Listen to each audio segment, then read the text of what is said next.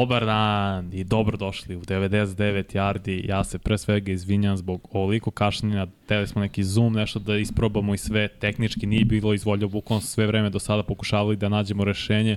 Nismo uspeli, nažalost. Ponovo smo tu, ponovo je petak, ali nije izuzetak. Udarite like, udarite subscribe, join ako želite, ostanete naši svetioničari na YouTube uh, kanalu ili Patreon, to je pokrovitelji na patreon.com kroz Infinity Lighthouse. Tu je uvek pored mene Ivan Nedeljković pa slash Jimmy. Pa uvek, pa ali dobro, sam večeras tu. tu da, si. probali smo 25 minuta da napravimo uh, Zoom poziv. Šta je ideja? Sutra se igra finale domaće lige, mm -hmm. hteli smo malo da uradimo promociju, da to ispromovišemo, uh, da bude razgovor sa glavnim trenerom ekipe iz Kragujevca, Dilih Veprova i jel te sa mnom kao glavni trener Vukova, međutim nije se desilo, tako da ajde samo da iskoristim ovaj početak i da kažem ljudi sutra je finale, 5 časova, uh, stadion, Pampas. sportski centar Pampas, mm -hmm. da, u, u, u Donjoj Trnavi, nije Kragujevac, ali u blizini Kragujevca. Ako vas zanima zašto tu, a ne u Kragujevcu, onda vas zanima i šta se dešava sa američkim futbolom u Srbiji, ali ja nemam odgovor na ta pitanja.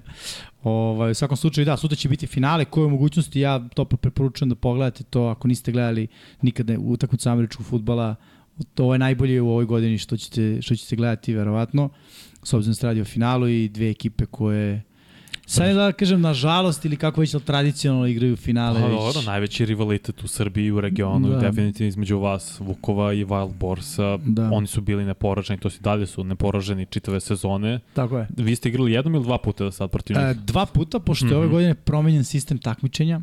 E, prva liga je podeljena na dve divizije, kažem, da, okay. Gornja i Donja. I u okviru Gornje bile su četiri ekipe, igrali smo dvokružno, znači Dobro. šest utakmica a u toj donjoj diviziji su bile tri ekipe, oni su igrali dvokružno i nakon toga je bio wild card, ukrštanje treća i četvrta ekipa iz te gornje divizije protiv prve i druge iz donje i pobednici su prošli do polufinala što se igralo prošle nedelje, a ove nedelje je ovaj uh, finale. Pa dobro, znači oba puta ste, kao što sam pošto su naravno rekao, oni su neporaženi, izgubili, da. treća sreća, ja se nadam, ali sam što se toga tiče subjektivno, ali svakako Wild Boars imaju sjajnu sezonu, neporaženi u Cefal kupu, isto su osvojili su Cefal kup. Igrali ste za, oni su igrali finale protiv ekipa kojih ste vi izbacili u Cefal ligi, je tako? Tako je, tako je, da, to je slično ovaj sistem takmičenja kao Liga šampiona i, mm -hmm. i uh, Liga Evrope. Kad izgubiš u nekoj fazi, onda imaš pravo da odeš dalje. To je da se prebaciš u, u, u ovaj taj Cefal kup. I da, Kragovic na kraju pobedio takođe ekipu iz Budimpešte. Ekipa iz Budimpešte ove godine dva poraza od ekipa iz Srbije doživjela. Šta, sada se nastaje da se igra bolji futbol. Ali su dobre ekipe. Da, Samo ne, su dobre ne, sam ni desalo, vi ste bolji. To je tako prosto. Pa, dobro, da, da se ne lažemo. Šta sam još teo da kažem, revanš finala od prošle godine, inače ovaj prvi put od 2019. da se igra, kažemo Kragovac, zapravo da. Donja Trnja, da, da su, domaćini, domaćini. domaćini, tako je. Da.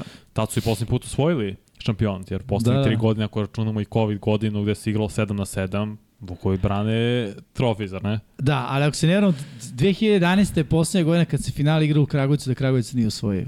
A eto, pa dobro, da. ima dosta Kragujevac, koliko sam ja video nešto, je vezao četiri titula, 2016. do 19. Jeste. Oni, to je bila njihova era dominacije. Da. Inače, Predrag e, Šćekić je sad novi glavni trener Novajla na toj poziciji. Ti si mi lepo ispričao, bio i linebacker da. i kapiten u reprezentaciji. Ovo je prva godina na toj poziciji, ja tu radio je sjajan posao. Imaju pre svega u napadu nekoliko odličnih igrača, imaju MVP lige isto. Tako je, da. Strahinja Stepović je osvojio uh, MVP-a uh, ove ligi, to jest ovogodišnje MVP lige, inače hvatač, mm -hmm.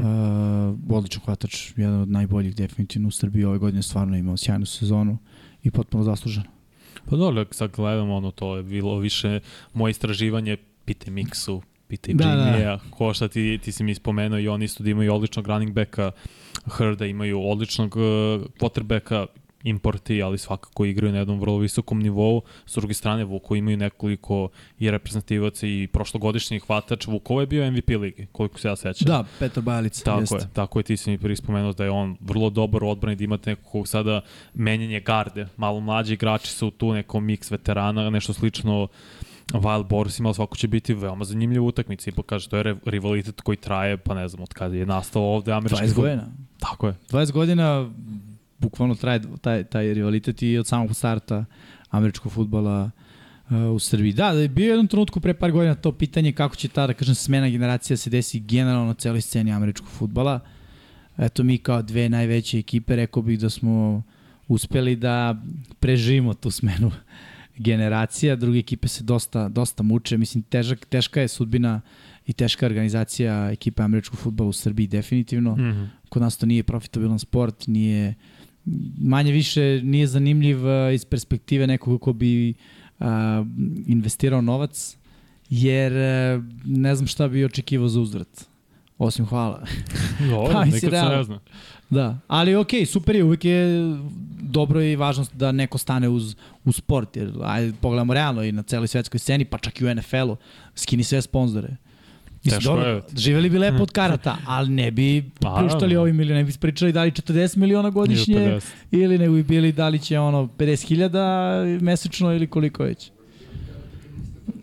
Naravno, naravno. Sve to stoji. Teo sam isto da spomenu jednu da kažemo, ključeva utakmica sutra uslovno rečeno, vi imate mladu ofanzivnu liniju, dok oni s druge strane imaju jednu agresivnu odbranu koja je zapravo i podmlađena, ali ima dobar miks veterana, iskusnih mm. igrača, čini se pre u defanzivnoj liniji i mladih igrača, tako će tu na rolovska bita, bitka zapravo odlučiti, jer su baš dobri protiv igra trčanja. Tako je. Mislim, kao je ono, osnove futbala. Pobedi liniju skrimidža i život će ti biti lakše, vjerojatno ćeš pobediti i, i u toj utakmici. Ali da, ko što rekoh, e, definitivno ja bar očekujem da sutra bude najbolji meč u, u sezoni.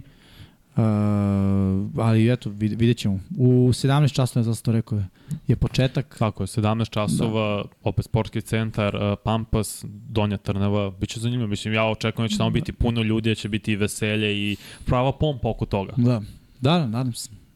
Biće dobra utakmica. Eto, lepa najava. Cool. Sviđa mi se kako smo to Eto, dali smo bar nešto što se tiče najave. Jesmo, za, za domaće prvenstvo.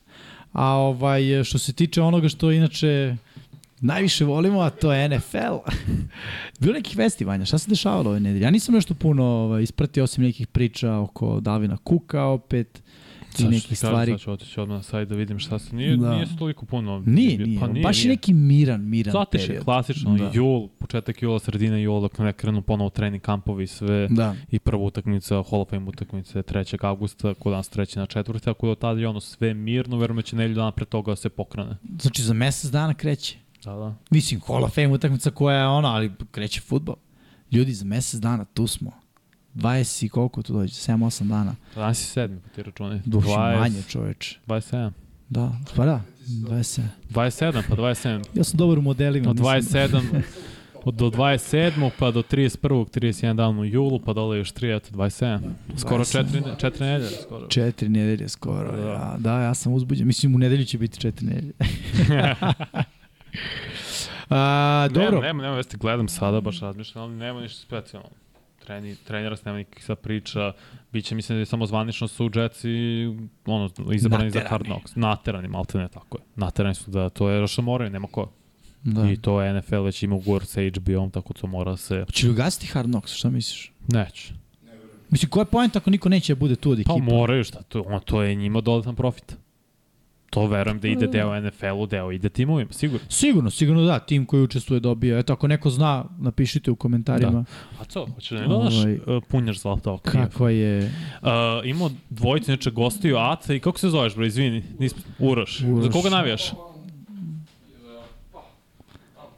Eto, za tampu. Za tampu? Za tampu, eto, tamo nosim njihove boje, njihovu majicu, shop, da. posetiti, inače infinitylighthouse.com kroz shop, za super majice 99 yardi, ti isto imaš, yes. Steelersi, tako da ono. A što za tampu, e, u skorije vreme ili? A, vidiš kako je to utice? Brady fan, realno. Da. Sad ne navijaš ni za koji. Šalim se. Da, e, da, respekt, respekt, dobro, respekt. Hvala ti puno. A, da, mi smo U mom protekle... rancu je, pored ranca je tamo. Ovaj vidjet ćeš crni, malo moderni. Izvini. Ništa, ništa, rekao. Mi smo protekle dve nedelje krenuli sa Power Rankingom, uh, izdanje 1.0 ili ti prva verzija. Mm -hmm. Prošli smo uh, pola uh, ekipa, odnosno 16 komada smo razvrstali. U ovom uh, trećem kvartalu, da ga tako nazovem, je bilo naj, uh, najzanimljivije, u smislu najviše razlika smo tu uh, pravili. Mene ste isprozivali prošle nedelje. Ja i dalje mislim da će moj power ranking da bude najrealniji. Dobro, kao i svako, da. A pošto je moj tvoj. Da, pošto je bilo i prepisivača, da, moj power ranking povlači još nekoliko drugih. Šalim se. A, da, prošli smo ovih a, a, a, donjih 16, ajde tako da kažem. Od tih donjih 16 možda vidimo neke ekipe potencijalno u play-offu, a, s obzirom da 14 ekipa ide ide u play-off. Mm -hmm. Mada, uh, šta je još, bare meni važno da kažem, pošto prošle nedelje kad smo pričali, ispostavilo se da ja, ne znam, u prvi 14 imam mnogo više od 7 ekipa iz AFC-a, mnogo manje od 7 iz NFC-a. Jesi ispostavilo istina. da, ali vidi, kad radimo power ranking, i NFL kad radi power ranking, ne, ne znači nužno da je to rangiranje kad se završi Super Bowl. Ne, ja se slažem s tobom, nema to nikakve. Pričamo o tome koje su je. ekipe moćne. A mislim da je tako većini. Pa da, Sad ću baš da pogledam. Tako da ovaj, e, ne mora da se sad to gađa. Ono. Logično, ekipa broj 1 i broj 2 očekujemo da negde budu učesnici Superbola. Tako otprilike ja bar, bar principiram. Ali što se tiče ostalih, Uh, šta znam, gledam koja ekipa je u boljoj poziciji u odnosu na, na ostale ekipe. Mm -hmm. Nije lako, ne znam da li ste probali da vi napravite vaš power ranking, mi dalje radimo na onoj ideji što sam spomenuo da uključimo ovaj, da kažem, i glas naroda i da vi imate mogućnost da uh, da napravite svoj power ranking, da onda napravimo jednu malo veću bazu i da izvučemo neki prosek uh, naših, da kažem, gledalaca za power ranking. Ajde još jednom, bilo je nekih predloga uh, kako to može da se uradi. Mi smo probali preko onog uh, Google forma. Google Sheet. Ne, ne, Google Form. Google Forum? Da, Google Form, recimo najčešće koriste studenti kad pišu neki rad. Form pa, ili forum? Forum. Forma. Kao, form. kao da. Okay. Da. Pa ne kao forma, nego kao formular. Okay, okay. To. I, ovaj, I on ti daje opciju da imaš neka pitanja i neki kao odgovore koji mogu da budu otvoreni, zatvoreni i to. Probali smo da napravimo, nešto smo napravili, ali nam nije to to zato što a, prosto a, nije savršen sistem. Odnosno, ja mogu izaberem jednu ekipu na pet mesta i to nije dobar sistem. Ovaj, a, e, tako da još uvek nismo našli neko najbolje moguće rešenje. Ako neko ima predlog kako to može da, da uradi, neka nas kontaktira direktno na, na našim a, profilima na društvenim mrežama, mislim da je to najbolje nego u komentaru dole na, na YouTube-u zbog eventualnih ostavljanja linkova i ostalih stvari. Ovaj, tako da eto, pokušat ćemo to da izvedemo. Mene baš zanima kakav bi bio power, taj power ranking, koliko bi se razlikovao od onoga što smo mi ovaj, uh, izabrali. Ali, da ne dužimo dalje, pošto nema vesti, nama je power ranking tema, nastavljamo sa, sa ovaj, trećim delom, odnosno sad ulazimo malo u one uh, bolje, da kažem, ekipe. Ono što I... se nadaju poprilično. Što imaju šanse za play-off. Da, mislim, pazi, imaju i ove dole, znaš, nekoga smo mi sigurno pocenili. Tesi se uvek. Da, ovaj, ali ove ekipe nam deluju verovatnije za play-off. Seahawks. Seahawks smo pocenili prošle godine. Giants isto. Da, i Giants. Ovo Veliki Srki je pitao koga smo pocenili prošle godine. Seahawks i Giants, ono mislim da je to uradila cela ono, Svi, pa dobro, celo NFL javnost je to uradila realno, pogotovo za Seahawks je okej. Okay. Da. Tako je kako je kako god traduješ quarterbacka koji je bio lice franšiza, realno i najbolji quarterback u istoriji Seahawksa, pričamo o Russellu Wilsonu, logično je.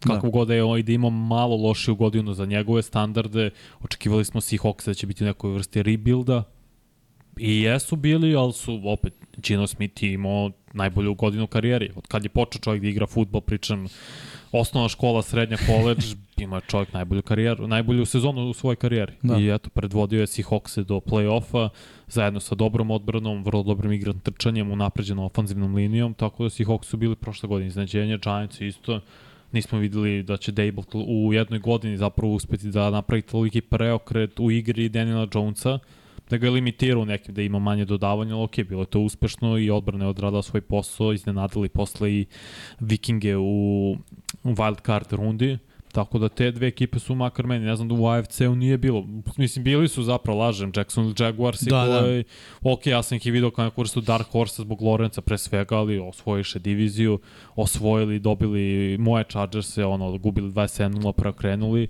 Ot, i bili su ono, donekle u duelu sa Chiefsima igrali su dobro u divizijskoj rundi. Nemo kažem da nisu, samo se videlo iskustvo i malo veći talent na strani Chiefsa, tako da je to presudilo. Znaš koga smo, to je ste podcenili? Mm. Ko? Jel znaš koga? Ne. Philadelphia Eagles. Mm, čini brate, mi smo ti, znači... Vi ste Miksa, se meni ne, smejali kad sam ih stavio Miksa u top 8. i ja da. smo rekli da kad smo radili analizu pre, uh, rasporeda, Pusti vi krećete 11-0, to smo Miksa ja rekli. Čovjek više pamti one lošije događaje u životu. Gde smo ih mi stavili?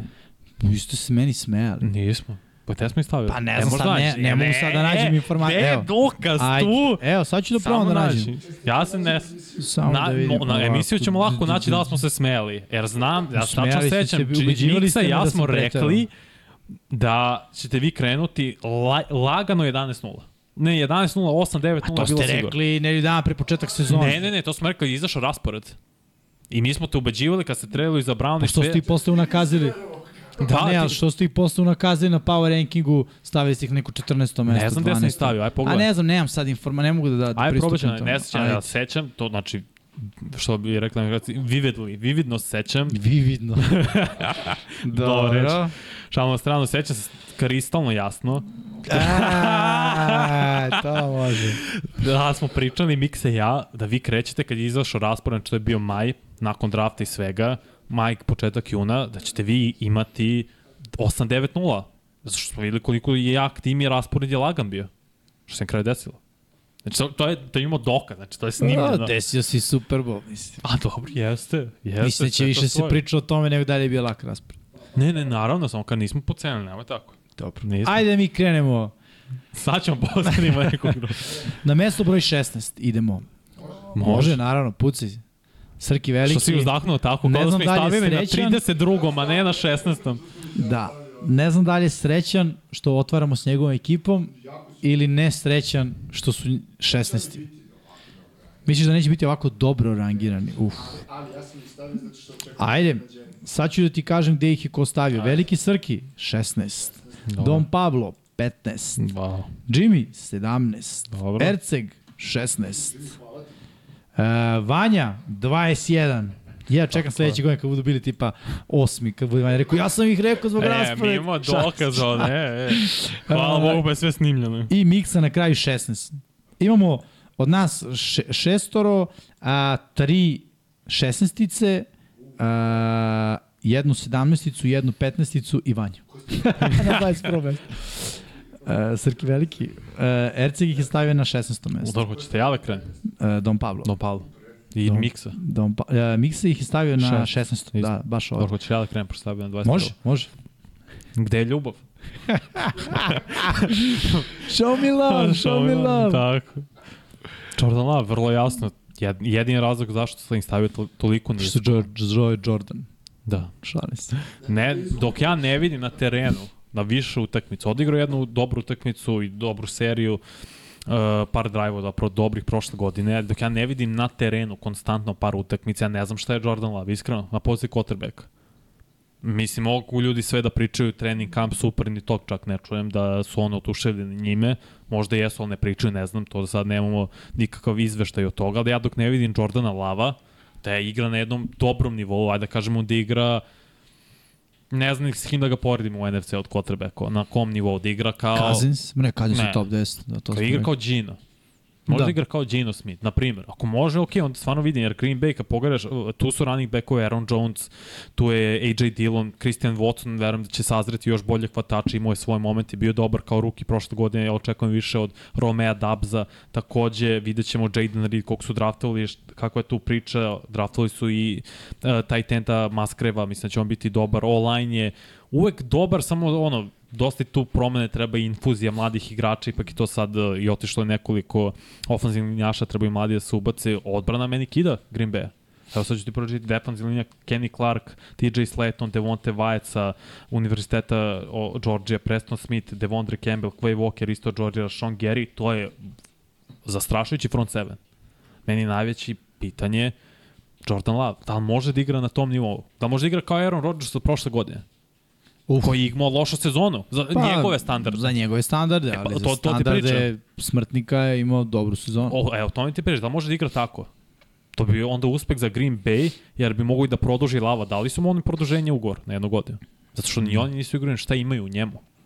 Da, da, pogotovo sada kada pogledamo kakva je situacija sa mladim quarterbackovima koji dolaze uh, sa koleđa. Pre svega tu je hype. Prodaješ dresove, mm. -hmm. imaš neku priču, imaš neko interesovanje oko toga šta se dešava uopšte kod tebe kad draftuješ mladu quarterbacka. Uh, sa Jordanom Lavom taj hype je prošao jer on sedi koliko već? Tri godine, tako? Tri Ovo četvrta sezona ista je će biti. priča kao što je Aaron Rodgers Da, da, da. sedeo iza Bretta Favre. Isto. Jeste. A sad da li će igrati isto, to je veliki znak pitanja. Da li je kao Danny Dimes? Zašto ti to pitam? Podelio sam vam tokom nedelje onu sliku što sam našao informaciju. Uh. -huh. ako gledamo top 10 quarterbackova, sa kako ti ovo tumačiš, Vanja? Šta, šta, šta to znači? Ja sam uh, istumač, Top 10 quarterbacks, throw on target percentage. throw on target. Ja bih mislio, uh, da li je to procenat ako baci Tamo gde treba da baci. Da, odnosno, ako baci uhvatljivu loptu da će biti uhvaćena, ili je to procenat koliko uhvatljivih lopti baci? To ću po- pokušam da, pokušam da Ja sam ga pročitao ovo. sto puta, ali ne mogu jasno zaključiti. Pa kad throw, šta može? Može. stavili smo Filadelfiju na 15 prošle godine. Pa dobro, okej. Okay. Ha, Vanja, šta ćemo sad? Pa dobro, ja, otkud ti znaš da sam ja stavio ispod. E, možda nađeš i koji gde stavio. kojeg da stavio, molim te, ako može. Ma ne moraš, ako možeš. A mislim, možda nađeš u nekom šitu. Ja sam stavio na devetom mesto, ja mislim. Dobro, dobro, okej, okej. Znači nisi to posao. Ili osam. Uh, ne, sad pokušam da, Da. da. provolim šta ta throw on target, pa mislim to je meni ono, ako je dodat na mesto gde hvataš treba da bude. Pa je, pa Da. on target. Uglavnom, po toj statistici, broj 1 quarterback u ligi je Daniel Jones sa 81%. Jeste, Uspešnosti sam- drugi je Rodgers sa 80, pa Joe Burrow 79, Gino Smith je tu isto bio 78. U svakom slučaju, hoću da kažem, prošle nedelje smo pričali o uh, Danielu Jonesu i tome kakva je bila sezona. Definitivno su uspesi. Ako Jordan Love može da igra kao Daniel Jones, ja mislim da Green Bay može da reši svoju diviziju. Jer ajde pođemo od toga. To je ono što sam ja negde, kad sam gledao, ta divizija je potpunosti otvorena. Nemamo pojma šta će se Ali desiti. nije lako. Ne, ne, nije laka nikako. Ali je u potpunosti otvorena. Znači imamo Green Bay koji može, ako Jordan Love pokaže nešto, može, mm. -hmm. mogu da budu prvi, da kažem, tradicionalno. Imamo Detroit koji ima najveći hype i zalet Tako je. ikada i koji ne vidim zašto ne bi bio broj 1. Imamo Minnesota koja je napravila te katove što se tiče veterana, Tako otpustili je, su, otišli klub. odbrani. Ponovo ne znamo šta možemo da dobijemo, ali ajde da kažemo opet, zašto ne bi oni bili prvi? Imaju najbolje quarterback. I imamo Chicago. Koji je isto je zanimljiva manji priča. hype, ali je zanimljiva priča jer su radili mnogo toga u off-seasonu, da, da draftu. unaprede oružje oko svog mladog quarterbacka i da Tako je. vide da li Justin Fields može da napravi sledeći korak, Tako je. iskorak u svoj Tako karijer. je. A to bi realno bilo da budu po meni taj korak bi bio da Chicago bude u trci za mesto broj 1 svoj diviziji do samog kraja. Okay. Samo kraja. I da Ok. ono, ako budu i drugi i treći, ali da je falio jedna, dve pobjede, to je uspešno za Chicago. Jer moraju se pomere sa ove mrtve tačke koja se zove... Moraju, ali mislim Ono. da i mogu, pre svega dovođenjem hvatača broj 1 u DJ Muru, ali o, o tom potom pričali smo o Chicagu što se tiče Mislim, ok, Jordan Love, ne, ne želim ga poredim sa Danielom Jonesom, ja sam rekao prošle nedelje, Daniel Jones imao limitiran broj dodavanja prošle godine. On je bacio samo 15 touchdown. On je više i trčao, ja ne znam da li Jordan Love može da trči na nivou kao što trči Daniel Jones. A zašto ne? Nisu to neka spektakularna trčanja. Nisu Daniel Jones trčanja su, su... ali poprilično trči. Ok, ali njegova trčanja nisu Michael Vick trčanja. Nisu naterao sam petoricu da me promaše. Njegova Ne. trčanja su donao sam dobru odluku da povučem loptu kad je odbrana mislila da sam ali ali dao uručenje. atleta da to izvede i Misliš da Jordan Love ne može to da izvede? Ne znam da li. Zašto ne? To je jednostavno u NFL-u. Mislim, Ne znam da li. Daniel Jones je mislim da je pocenjen atleta na poziciji quarterback. Mislim da je on ima Ali, i dugačak e, korak i vidi. lepo trči, stvarno E, za mene nije ni važno, vidi, Jalen Hurts je veći atleta, slažeš se. Jeste. Jalen Hurts natera igrače da ga promaše. Jalen Hurts uđe nekad u duel, uh, pa nekoga i, da kažem, pregazi. Uh, Daniel Jones to ne radi. Daniel Jones trči, vidi kontakt i ukliza, što je potpuno legitimno, on je quarterback, od njega se očekuje da baca mm. -hmm. i da trči kada se otvori prostor, ono, da uzme ono što mu se daje. Tako da, uh, mislim da to može da uradi, a neću kažem svako, s obzirom da imamo i dalje Arona Rodgersa u ligi, on to definitivno ne može da uradi, mislim da nije zainteresovan tako nešto radi, ali Jordan Love to može da radi. I sad je samo pitanje da li će njegov nivo donošenja odluka biti na nivou Daniela Jonesa od prošle godine. Jer Daniel Jones je i šema, naravno, i njegov moment donošenja odluka su rezultat tih njegovih trčanja. Nije on bio u situaciji, povuče loptu jedan jedan sa defanzivnim endom, baci ga na, na, na, na zemlju jer ga tako džukuje kao Reggie Bush na koleđu, pa kao istrči još 25 jari. To se nije dešavalo. nije, ali imao je preko 700 yardi trčanjem. Daniel Jones, što To je, je za okej. quarterbacka vrlo dobro. Da, da, ali kažem, nije imao trčanja gde je on ono, bio running back. On je imao trčanje gde povuče loptu kada defanzivni end uđe unutra, on ode okolo i strči koliko god da, je, da mu se jardi Možete daje. pre, prekine pita da li, da li je kasno da se počne treniranjem sa treniranjem američkog futbala u 22. godine. Pa, vidi, ne znam, ja sam dugo u ovom sportu. Da li je kasno Jeste. da sad ja odem u Crvenu zvezdu, kažem ja dignu futbol? 22 godine, recimo. Sjajan više. Hoću joj kažem, e, ne odustaje od svojih snova, ali kasno jeste. U smislu, realno, to je realno odgovor. Da li je kasno, odgovor je kasno je. Da li to znači da ne možeš da uspeš? Ne znači. Mislim, možeš. Viđali smo i slučajeve da krenu ljudi i kasnije. Ali, okej, ja sam mislio da će pitati nešto za Green Bay, kako je sad ovo jedino sa Green Bayom, kao da li je kasno da, da Green Možda Bay... i te, tako da, eto, možda flag ako bude to sve popularnije, to, to Flag nikad nije postoji, kasno. da, ima kategorija definitivno, ali mislim, može da se počne. Flag može, Zašto da ne? flag, flag može. Ne, ver, veruju u svoje snove, realno. A za Kao mi Green. Bay, tako je. Mislim, lak je raspored na početku. Chicago u gostima, Atlanta u gostima, Saintsi kod kuće, Detroit kod kuće, Raidersi u gostima, bye. Dobro, vidi, baš je scena dobra za Jordana Lava. I U odbrane smislu- kad pogledaš, Sve tu. ok, ono, Chicago pobedi. ima unapređenu odbranu i dobro su i potpisali i razvili neke mladi igrače pre svega u sekundaru. Pričamo Atlanta, potpisali veterane, znak pitanja je ostala pozicija dobar sekundari, Saintsi, veteranska odbrana, vidjet ćemo na kom nivou će oni igrati, da će opet napraviti korak unazad. Detroit je, ja mislim, vrlo dobra odbrana, pocenjena malo, Raiders je odbrana upitna sem defanzivne linije. Tako nisu preteške odbrane, može da ima dobre dane, da ima i dobru statistiku i da tu skupe pobede. Posle toga, kao što se rekao, baj, Denver u gostima, Znači, to je malo problem što se vezuju često dva gosti, dva kod kuće, pa onda Minnesota kući, Ramsi kući, gosti Raidersi, Chargersi kod kuće, gosti Detroit, Kansas City kod kuće, to je dobro, Giants, eh, Giantsi u gostima, u New Yorku, Tampa, Carolina, Minnesota, Chicago.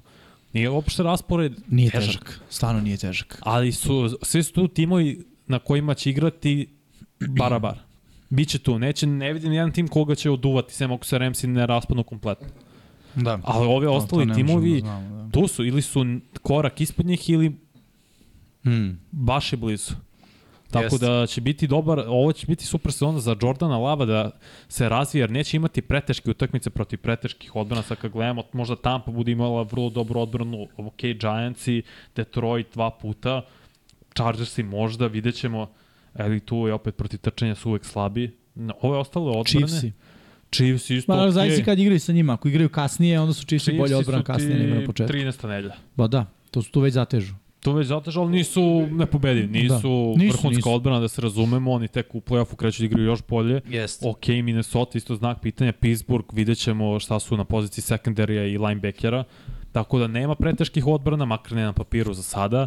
To treba Jordan Love da iskoristi, da ima dobru sezonu, ako je on to Jeste. taj. E sad, imamo onu situaciju, uh, nema pritisak da osvoji, ali ima pritisak da osvoji. U smislu, Igra za svoj posao. bukvalno igra za posao. To je pritisak svoje vrste, ali sa druge strane nije ni realno da sad odjednom očekivanja budu preveliko od njega. Mislim da je Green Bay uradio odličan posao ono, u front ofisu, GM uradio sjajnu stvar. E, imaš sad godinu da se dokažeš, dobio si tu jednu, uh, taj produžetak od godinu dana, ako se ne dokažeš, mi realno sledeći godin idemo u novom smeru, ko što si nas kikiriki, i to je to. Kikiriki. Pa jest, zar ne?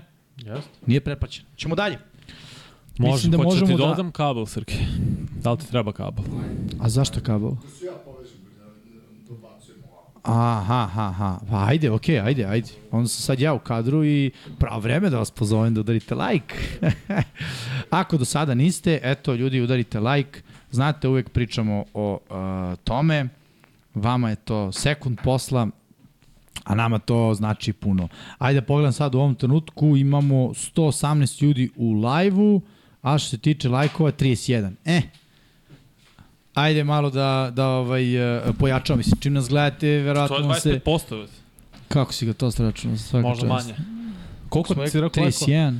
31 I- like. i 118 u live-u, malo, Malo manje. malo manje. Pozor, ne, 30, Malo više. 32%. Malo više. Nije 32%, malo niže od toga. 120 na 30 lajkova ti je 25%. 118 A, da, na 30 ja je sam- malo više, možda 26 Ne, ne, pravo si, pravo si. i nešto. Malo loša matematika. Moramo ljudi na 50, to je Mix ustanovio novi sistem i novu hjerarhiju ovde. A to je?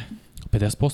50% čega? Znači, Aha. Ukupno gledaju, znači ako ima 118, kažemo 120 ljudi, 60 lajkova minimalno mora. Tako udarite lajk obavezno, podržite ekipu, evo Srki se priključuje, ja sam ne znam, menjali smo tamo mikrofone, Boga piti šta sam radio od kablova. Uh, ne znam, morat ćeš morati povežeš tamo, zato što smo probali smo sa Zoomom, da i Zoom kako je sada, to je njegov sistem kakav je, može samo dva mikrofona da podrži na petici, šestici smo Jimmy i ja. Ja, vas dvojica mene čujete sad? Pa, A, mislim, nema. Pa, pa, pa, o, Ne vidite razočaran, ali čujem te već duže vreme. Ajde priča. Ja, sad? Pa mislim te čujem. Pa, pa, pa, ljude aj u- pitaću publiko da li me čujete, sad Tako ćemo da se vratimo na da Green čujete Bay. Srkija veliko i udarite like ako ga čujete, ako ne udarite subscribe, Udarite tako like. da vidjet ćemo da dođemo do 29, to je 30.000, A. ono do početka avgusta, bilo bi lepo dok ne počne prva Koliko smo sad, da? 28 ili nešto. 28, znači, pogledaj ću post. A na 15. mestu, 28 i po hiljada. Uuu, Tako, još da, da. 500. Čuje se Srke, evo, kaže Blago. Blago, izvini što ti ne odgovara na Instagramu, ne stižem stvarno, vidim za NBA i pošto voli takođe jedan na jedan podcast da ima dosta dešavanja oko Lillarda i svega, odgovorit ću ti obećano, tako ne mora ništa brineš, nisam zaboravio. Stižem nekad i ono, ako ne stignem pošaljem glasovnu, ali eto da znaš, a možemo da idemo na 15. mesto. Ja inače držim duks ovde jer samo čekam moment da bude hladno, da bi se obukao.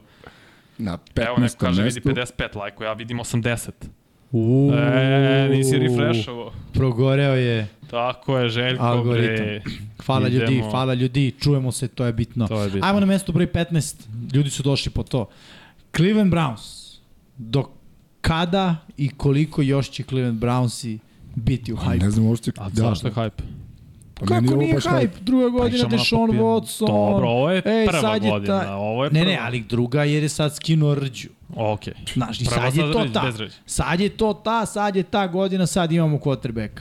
Imaju. Doveli su Elijah Mura, tako.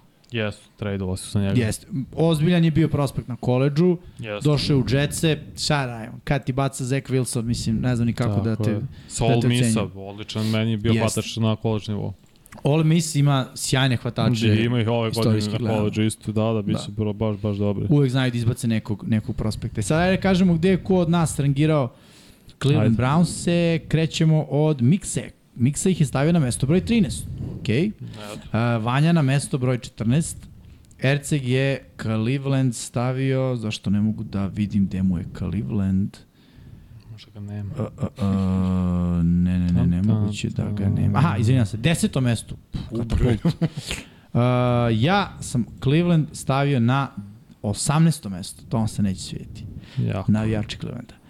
Uh, Srki Veliki je Cleveland stavio na 23. mesto, to vam se tek neće svidjeti. Ha, u, Srki. I Pa, sad pa, imaš pa. mikrofon da se objasniš. Da. I Dom Pavlo je Cleveland stavio na 22. mesto. Znači, mi smo ova desna trojka, smo malo unakazili Cleveland, a Vanja, a, Erceg i Miksa su i podigli gore. Srki, ajde. Samo zato što ne znam da li vo, ovaj Watson išta može da uradi opet. Pa ja mislim da Watson Ne, može... ne, znaš zašto? Zato što ako, ne, ne znam koji mi je drugi kube. Ne znam, ne znam. Aj, sad ti otišao. Šta, šta te brije ko je drugi kube? Pa, za- da, Šta? Joshua Dobbs. Mislim. Ako dođe dobro? drugog QB-a sezona, svako neće svojiti Super Bowl. Pa su draftovali... Jer to nisu Eaglesi koji sa drugim Da, osobom. da, ja se izvinjavam, niste prepoznali. Ali draftovali su jeste, oni... oni Chiefsi sa Matt Moorom. Matt Moore, nije Matt Nije Matt Moore. Moore, ali je drugi Moore. Što je pobedio baš Brownce u play-offu. Ne. Da, da, da. Nije Matt, nije ni blizu. Ne, ne, ne, nije ne, Moore ne, ne, uopšte. ne, vidim mu lice, ali mu ne vidim prezime. pošto je okrenut On je lice ka tebi. Henne, Henne, brate, Chad tako Henne, je. da, da, nije Matt Moore. Ali Šta mi je s Matt draftovali su Dorijana Thompsona, Robinsona sa UCLA-a. Ima odličnu sezonu kao college quarterback, možda može onda se razvije, ne će igrati prve godine, ali okej. Okay. Podseća igri tako, dual threat quarterback više trči, pravi highlightove, YouTube quarterback, ali nevažno, dok je tu Nick Chubb, po meni isto ofenzivna linija koja je top 3 u ligi, pored toga što ima Detroit i Fila, imaju bolje od San Francisco po meni, Willis, Bitonio, uh, Ethan Posik, mislim da realno je on i od da. Pa da, te se kaže Bočić, ali ajde, Bočić, nema. Draftovali su Ohio State-a centra Viplera, takođe Wyatt Taylor, Jack Coughlin, to je brutalna ofenzivna linija. Jeste. I štitit će i Watsona dovoljno da on ima i sekund više za dodavanje Čabu, vidimo kakve prostore i rupe stvaraju. Amari Cooper, Elijah Moore, Donald People Jones na Joku, to su dobre hvatačke opcije, pogotovo Yes. yes. Amari Cooper koji je probao hvatač u odbrani. Mislim da je on Miles Garrett. jedina, da kažemo, Mhm. konstantna opcija. Ma da, da. Koliko god to može delovalo kontroverzno kako ga pamtimo iz perioda Dallasa kad je imao delove sezone da ga nema, on čovjek Da, se ne mogu u odjavio. gostima. On diskonetao kontroler. Bukvalno se nedelja, nikad onda- neću zaboraviti protiv Gilmora i Patriota, što Da. da. Gilmor radio iz terokos meča. To više nije se vraćao Da. na teren. E Sad ovi ostali su svi može biti i nema. Dobro, U smislu na Doku imao. Imao je fleševe, ali isto tako nestaje. Istina. People Jones, ok, Okej, on je tu da, da bude broj. Očekuje se od Elijah Mura da bude Očekuje hvatač se. broj 2. Da. To, to će biti glavna stvar za Brownce u napadu da razviju njega i će to dosta primarno na Nika Čaba, verujem i dalje, ali su odbrane strane potpisali Del, Delvina Tomlinsona, defensivno tekla iz Minnesota, to je odličan potis, Miles Garrett tu, tradovali za, za Dariusa Smitha, Jordan Elliott, ok, na poziciji linebackera Anthony Walker i Jock, to je Jeremiah Wusu Korma, dobar secondary predvođenim Denzelom Wardom, znači, to je dobar tim, ima talenta na sve strane, naravno i Grant Delpit, Greg Newsom, to je dobar sklopljen tim mladih talentovnih igrača i sad imaju nekoliko veterana uz to. Opet ključ je, Napad. tako je, Deshaun Watson. Da, da. Ključ je e, napad, ja bih rekao iz više razloga. Prvi i osnovni je da si u AFC-u. Da. Kad si u AFC-u, sad kad ti neko kaže AFC, prvo što ti pada na pamet je ono, barem 5-6 Da su quarterbacka da u napraviš. NFC-u, izvini što te prekim, da li bi bilo totalno, da li bi ti imao drugi pogled o Browncima? Koje sa ovim talentom. Severni? Može. Za Ili meni tradujemo ih sa Chicagom? Teo sam sa Green Bay, su 15-16. Mm. -hmm. Sa ovim talentom, sa ovim... Bili bi šampioni te divizije. O to. Mislim da bi bili sigurno šampioni te divizije mislim da bi uh, bili u boljoj poziciji nego sada u, u AFC. Mislim, njihova divizija je mnogo teža od severa NFC-a. Ono. Pittsburgh uvek može. Mislim, to, je, to su velika rivalstva. Da. Sever AFC ima po meni najveća rivalstva, mm. -hmm. zaista. Mislim, ako pogledamo objektivno, ono, i sve su stare franšize, sve su franšize sa nekim svojim fazonima. Ono, Steelersi, nema Radnička. Cheerleadersice. Tako Da, ra, radnički Blue gradovi. Da, Pittsburgh, Cleveland, Baltimore i ko mi još tu nedostaje? Cincy. Cincinnati. Hajde dobro, Cincinnati tu možda i najviše fancy grad od, od svega. A nije. Pa ne, možda, kažem, Mislim da možda. je Cleveland tu najfancy, Ne, u rock and roll, Hall of Fame i sve. I, Pa ne. pa ne znam, neko Cincy mi isto nije nešto privlačan grad, mogu ti reći. Možda grešim dušu, Vidi, ne znam. baš zato što ne znamo o Cincinnati. Pa, ba, eto, dovoljno. Ja sam u Clevelandu bio. Mislim, Wak, wak, wak. ja u tom trenutku to je bio lep grad, ali kako bih ti rekao, e, kada mi je Ruben pričao, on je igrao u Detroitu, oni su ga Mhm. draftovali, onda je otišao u Cleveland i onda je posle toga bio u Denveru i New Yorku. Rekao, kad sam počeo karijeru, Detroit pa Cleveland, to su od njegove, njegove citiram njega dva najružnija grada u Americi. To su ono bivši, bivši industrialistički Da, da, gradovi. da. u kojima više te industrije nema. Ne, znaš zašto Sve razmišljam? I dobro, i Cleveland ima baseball tim, Guardians i Cavaliers i NBA, Da. da. ok, ima i Pittsburgh, ovaj NHL tim, Penguins i ovi naravno uh, Pirati što se tiče bejsbola, manji grad, ali opet neko mi Cleveland. Cincinnati isto ima Redsi. Tako bejsbolu. je, red, to je to. Da. Baltimore. Nema ne, Baltimore. Ne znam li imaju baseball Orioles, tim. ima, ima i Baltimore. Orioles, o- Orioles, o- da. O- Oreovi. pa da, Orioles, da. Ora, or, Orioles. Ali svako da. se vratimo na Cleveland, Da. da. raspored njihov Cincy, Pittsburgh, Tennessee, Baltimore. Ma, već zvuči teško. To je tenis najlakši protivnik. A A no, nije. ovo je divizija, evo sve ostalo Da, da, da. divizija. I to sve igraju kod kuće u diviziji Sam Pittsburgh, gde idu u drugo kolo goste. Težak početak, mislim, ali vidi, uh, zato, zato je Dešon, zbog toga je Dešon Watson tu. Dešon Watson je tu da pobedi te mečeve. Da u diviziji učini Cleveland konkurent.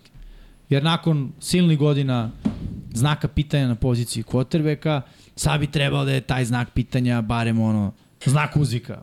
U smislu, ono, doveli smo ga jer ima potencijal, ima ono što amerikanci kažu track record, odnosno ima filma, ima dostignuća koje je ostvario i to takođe u ekipi gde nije bio okružen sa spektakularnim talentom. Mada ne mogu da kažem, Houston, to su bile najbolje, najbolji period Houstona kada je Deshaun Watson bio... Dobro, nije bio to talent koji ima u Clevelandu sada. Nije, nije, ali ok, razumem, DeAndre nije. Hopkins je li igrao sa Arian Fosterom, on nije. Ne, ne mogu setiti. Dobro, sa. Hopom je igrao i Da. odbrani, imao dobre igrače, ali nije to talent. Ovo ofenzivno nije bilo na ovoliko visokom nivou kao što ima u Browncima sada. Da li očekujemo da se Brownsi, odnosno njihov uh, stil igre u napadu promeni zbog činjenice da sada imamo Dešona Watsona? Koliko se promenio prošle godine, uh, da te pitam, pošto znam da ti uglavnom pratiš te stvari, Uh -huh. koliko se statistički promenio, da li to znaš ili možda možeš da nađeš, prošle godine od, uh, od momenta kada je Deshaun Watson počeo da igra. Ja mislim da nije puno, da jesu počeli malo više da bacaju, ali da nije bila drastična promena, što je dobar znak. Pa to sam Teško mogu to da Mm. utvrdim. Iskreno znam da je Čabi imao opet pre, preko 1500 yardi trčanje, što je dobar znak da se nije toliko menjalo. Znaš što možemo imamo? Kad se Dešon vratio? 11. nedelja, 12. Da vidimo koliko je yardi imao uh, Chubb do tada. Uh, možemo, aj sad ću to probati da. Hoćeš ti ili hoćeš ja? Evo ja sam krenuo isto da tražim. Evo, sad ću ti kažem tačno. Uh, mislim da se protiv Tampe, protiv Houstona se vratio. 80, 34, 99, 92, 104, 77. Koliko je to ukupno? Ajde opet, znaš kada ću sabiram. 114, 114, daj dalje, plus. 120, eh, 200, 213. Da to dodam ili je to... Ne, ne, ja računam 213 i 305 i dodaš 104, 409. Čekaj, sad to nisam, hoćeš da računam ili nećeš? Daj Ne, njemu da računa, ti mu samo govori Čekaj, brojeva. ne, ne, ček, 409 i 77 je 486. 486. Eto, 486 yardi ima u 1, 2, 3, 4, 5, Uf. 6 Ve, utakmica. već je malo. 81 prosek. Da, Koliko utakmica? 6. 6. Ti si rekao, a 1000 je onda imao, ako ima 1500. 1529. Dobro, znači ako, ajde da kažemo da je 1000 imao u koliko je to 11. preostalo? U 11. 11 kroz, šta je to, 900. Ja, veći mu je prosek bio, ne za mnogo, ali iz- s, s obzirom da gledamo prosek, 10 yardi mu je bio veći prosek pre nego što je Deshaun Watson Ok, došao da igra. Ali nije spao sa ono 70 na 60, nego je spao sa 93 na 81, recimo. I tako, verujem da će je to da se i promeni, da će biti da će skočiti ponovno na 90, zašto je ovaj period šest utakmice bilo prilagođavanje u smislu da vidimo koliko Watson može, Da. šta može, da testiramo game plan koji ćemo verovatno koristiti naredne sezone, šta možemo koristiti, šta ne verujem da je Stefanski razmišljao u tom pogledu. Dobar je on ofenzivni um, Jeste. stigli smo to u Minnesota, sumnjam da će oštetiti, aj, uslovno rečeno, ili Čaba, ili ne znam, e. nekog od hvatača, mislim da će naći pravi balans za taj napad. Šta će oštetiti Čaba? Tolike godine, ono, preopterećenosti. To je moja bojazan ove godine za Nika 27 Čaba. godina ima. 28 će napuniti krajem godine. Moja Krajem, da, bojazan je da je ovo godine u kojoj će se on povrediti. Kao što je Derrick Henry pre dve godine Ovo mu počeo da se povređe. sezonu. Da, jer uh, nije toliko važno ni kolika, koja je sezona, mislim jeste, ali uh, koliko je samo bio korišćen u poslednjih godina. 1200 nošenja imao za šest sezona, što znači da je prosek šta? 200. Ne, koliko ste 1200, tako? 1210. Znači Ovo 200, pet, u ovom 200 pet je sezona odigrao. Znači ovo mu je šest. Aha, u pet sezona. Da, da, da. Preko 200. Znači 250, malo manje od toga. Ajde da kažemo. 240 nošenja po sezoni, da. da podelimo sa 16 utakmica, znam da se sad igra 17. 17, ali nije to dobro. Zašto Ne veze, po sezoni računi 210 kroz 5 je koliko? 200, 1200, 1210, izvini, 1210, kroz 5. podeljeno sa 5, 242. 242 nošenja po sezoni do sada ima Da. I da kažemo, ako to podelimo sa 16 sa prosječnim brojem utakmica, znači on ima oko 15 nošenja Čuj, okej. po sezoni, po utakmici. Ali moramo da uzmemo u obzir da je dobar deo toga imao Hanta. Da je to bio Čant. A sad vrlo verovatno neće imati i Karima Hanta koji nije potpisao i dalje slobodan agent, Da. vidjet ćemo gde će i da li će negde igrati. Ako ne nađe ti možda se vrati u Brownce, ko zna, zna sistem i sve, ali sad nije tu. To je ključna stvar i možda će imati još više nošenja. Zbog vidimo toga koliko. Derrick Henry ima nošenja, može? Uh, Koja je njemu ova sezona? Samo da napravimo ću komparaciju, Da, sad ću, sad ću prvo sad jer naći, uh, sad odjednom mi pada napet, možda je samo nama privid, jer uh, Chubb ima korisne jarde, odnosno da ono, iz Derrick nekoliko Henry trčanja je osvoje veliki broj jardi. Ovo je 1, 2, 3, 4, 5, 6, 7 sezona odigrao 2016. Znači ovo je odigrao 5. 1750 nošenja za 7 sezone. 1750 za 7. Da. Dobro, to je 250. S ruku na srce propustio Više. pola sezone Da, pre dve godine. A Čab je propustio najviše u jednoj sezoni četiri utakmice 2020. i 21. je propustio tri. Dve. da. Znači šest Ali ajde kažemo ovako, da li je Derrick Henry preopterećeno, previše se koristi u svojoj ekipi? Pa, To je on- utisak, definitivno. Mhm. Sad da, na početku, evo kad gledamo suvu statistiku, prvu sezonu 110 nošenja, drugu 176. Malo. Jeste. E, i onda šta, ima I onda sezonu sa 300, jel? 215, 303, 378, pa kad je bio povređen u 8 utakmica 219 Da, to nošenja. je, to je ne, Znači to je bilo preko 400. A Chubb, što se tiče samo nošenja, kada gledaš zaista statistiku, a ne prosek, po sezoni kako je to išlo. Malo smo oduzeli vreme sa Čabom, ali mislim Čab je veliki deo napada Clevelanda. Čab je identitet Cleveland Brownsa. 192 nošenja, Prva sezona. da, 298, Sumanut. 190, 12 utakmica, 228, 14 utakmica, 302 nošenja, 17. Nije on bio, nije on imao Derrick Henry da imao skoro 400 nošenja jedne godine, ali opet, delio je sa Huntom. Jeste, Do- ali previše, previše je to udaraca za, za šest Mislim da može za pet. Za pet sezona. Mislim da može još jednu godinu na ovom nivou da izdrži. Ja mislim, ja se bojim da je odgovor ipak negativan. Ali okej, vidjet ćemo. Šta bi se desilo ukoliko nemaju čaba na neki period? Koliki je to udarac za Cleveland Ogromno, Browns? to ti je najbolji ofenzivni igrač. Iako je tu Deshaun Watson, iako viđali smo Chubb je utakmice gde nisu igrali ni Chubb ni Hunt, ako se sećaš, pa je onaj Ernest Johnson i pronašli On neko sa 100 tu. plus 1. Mislim, to je sad uh, Jerome Ford, Demetric Felton, John Kelly mlađi. A znaš šta, Cleveland tradicionalno ima dobru igru trčanjem. Zbog dobre ofenzivne linije, Brutalno tradicionalno gledano, i dobrih running backova generalno. Mm. -hmm. Sećaš, uh, Jamal Lewis je bio, duše, on je u Baltimoru steku Jeste. ime, ali je bio tu. Ko je bio na kaveru 2012. Medena, trkač. Peto Hillis. I on ima Browns. isto brutalnu sezonu. Da. Imaju Browns i taj, taj eh, mentalitet uh, Malo definitivno gasi klem. igre, oh, Malo, malo na pet minuta. Malo. igre po zemlji. Ja ne znam šta Malo nam je. Leto dođe da čekam da se Ne mogu pali pod klima. ja živim, ja spavam, znači sve otvoreno, promaja, struji, konstantno, ne To je mogu gore, klimu. samo da znaš. Šta to je? Pa gore je promaja nego klima. Meni nije, meni je klima Pa ne znam da je neko umro od klime, od promaje. Ne znam ni ko je umro od promaje. Pa, pa, Ko pa. čudi, brate. Ko, ko, ko. Klima Ja se sa razboli otvorenim prozorom. Šta? Ja uvek spavam sa otvorenim prozorom. Sve je otvoreno. Da. Prozori, vrata, sve je otvoreno. Ej, Nisu samo pro, Volim, mislim, sve je prozor u sobi otvoren kroz čitav, kroz čitav stan. Ne mogu pa pod klimom da spavam. napolju. onda. Ne mogu pod klimom Na da što me klupi. upio u poen. Dobro. Ok, hoćemo da idemo dalje ili imamo još nešto dodamo za Cleveland? Nema, to je to. Cepamo, cepamo dalje. Onda Dobro. 14. Ok, mesto. Cleveland nam je znači na mestu broj 15. Da, obratite pažnju Cedric, Cedrika Tillmana hvatača koji su draftovali sa tenis. Mislim da on isto može da ima odlično, odlično sezonu. Kao ruki, naravno, kao Novajlija. Dobro, dobra napomena. Ajmo, mesto broj 14, Detroit Lions.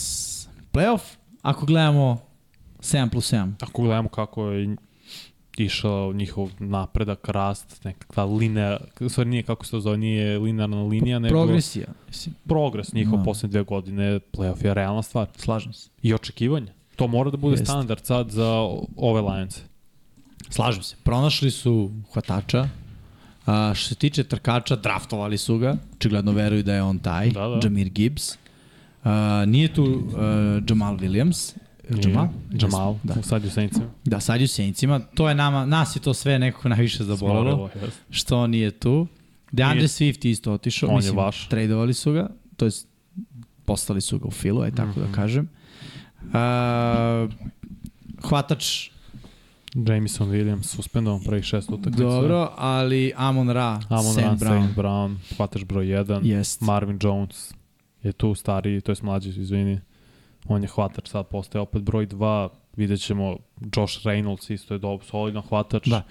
Fali Jameson Williams koja je vertikalna opcija, što je opet napravio grešku, suspendovao, ok, prošle godine bio povređen kao ruki, jer je na koleđu na Alabama pokidao koleno, a ako on je zdrav i dostupan, on kako može da raširi teren, to je stvarno menja igru za Lions, potencijalno može. Stvarno je ozbiljno vertikalna pretnja, videli smo par navrata prošle sezone kad se vratio posle povrede, ofanzivna linija meni fenomenalna, Deker, uh, Jonah Jackson, Ragno, ja mislim, jedan najboljih centara u ligi, Vajtaj, desni gard, mislim, on igra u Fili, čini mi se. Ja mislim da jeste. I Suol na desnom teklu je fenomenalan igrač, tako ofenzivna linija tu štiti. Videli smo šta su radili zapravo protiv File prvo kolo. Fila je, mislim, imala tada dva seka samo, a predvodila ligu u sekovima. Da.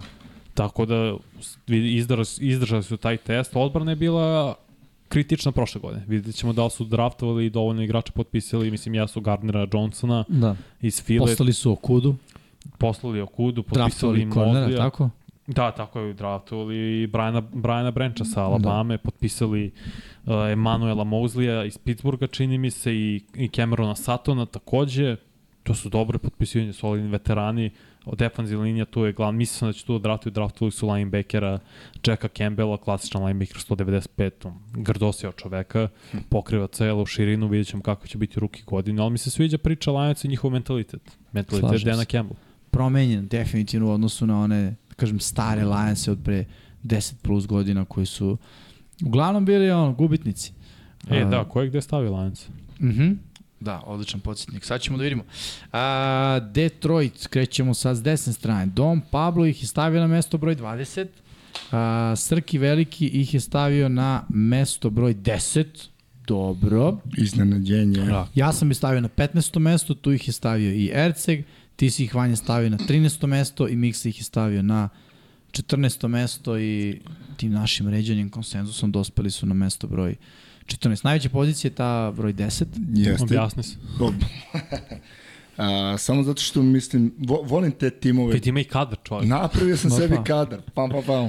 Ovaj, imam još jedan tim za koji mislim da će biti iznenađenje, ali posle o tome. Tako da A. mislim da će i Detroit da bude ono, znaš kao, pff, možda ući u playoff sigurno. Šampion divizije. Da, Dobro. da. Mora, mora, ja ih vidim kao šampioni, mislim prvo kolo igre protiv Chiefs, Chiefs otvaraju, to je ipak i velika privilegija da Jest. otvaraš NFL sezonu. Ja verujem u, da će oni iznenaditi Chiefs prvo kolo. To će staviti dve odlična napada, mislim da su oba napada bili u top 5, ako gledamo statistički po broju postavljenih poena po utakmici. Jared Goff je dobar quarterback u, u NFC-u, pored Jalena Hurtsa koji je jedini elitan quarterback, nemaš sad veliki izbor njih kao u AFC-u, mislim da je uh, Goff dovoljno dobar da ih odvede u playoff, pogotovo u ovakvom NFC-u i dalje ne znamo San Francisco pre svega šta će raditi na toj poziciji, delo je parti da će startovati, kako će to da liči u drugoj godini, ne znam. Ja sam tu skeptičan po tom pitanju, ali ovo ostalo što znam i u što verujem su Lionci, jer vidio sam sistem. Mi nismo očekivali da će njihov napad biti toliko eksplozivni, da će toliko poena postizati. Sad da li će moći, bukvalno su promenili čitav uh, running back tandem, trkački tandem zapravo Da. Uh, draftovali su Gibbsa, Montgomerya potpisali, poslali Swifta, o, potpi, to je malte otpustili Williamsa koji je otišao u Saintse, super potez za Saintse, ok.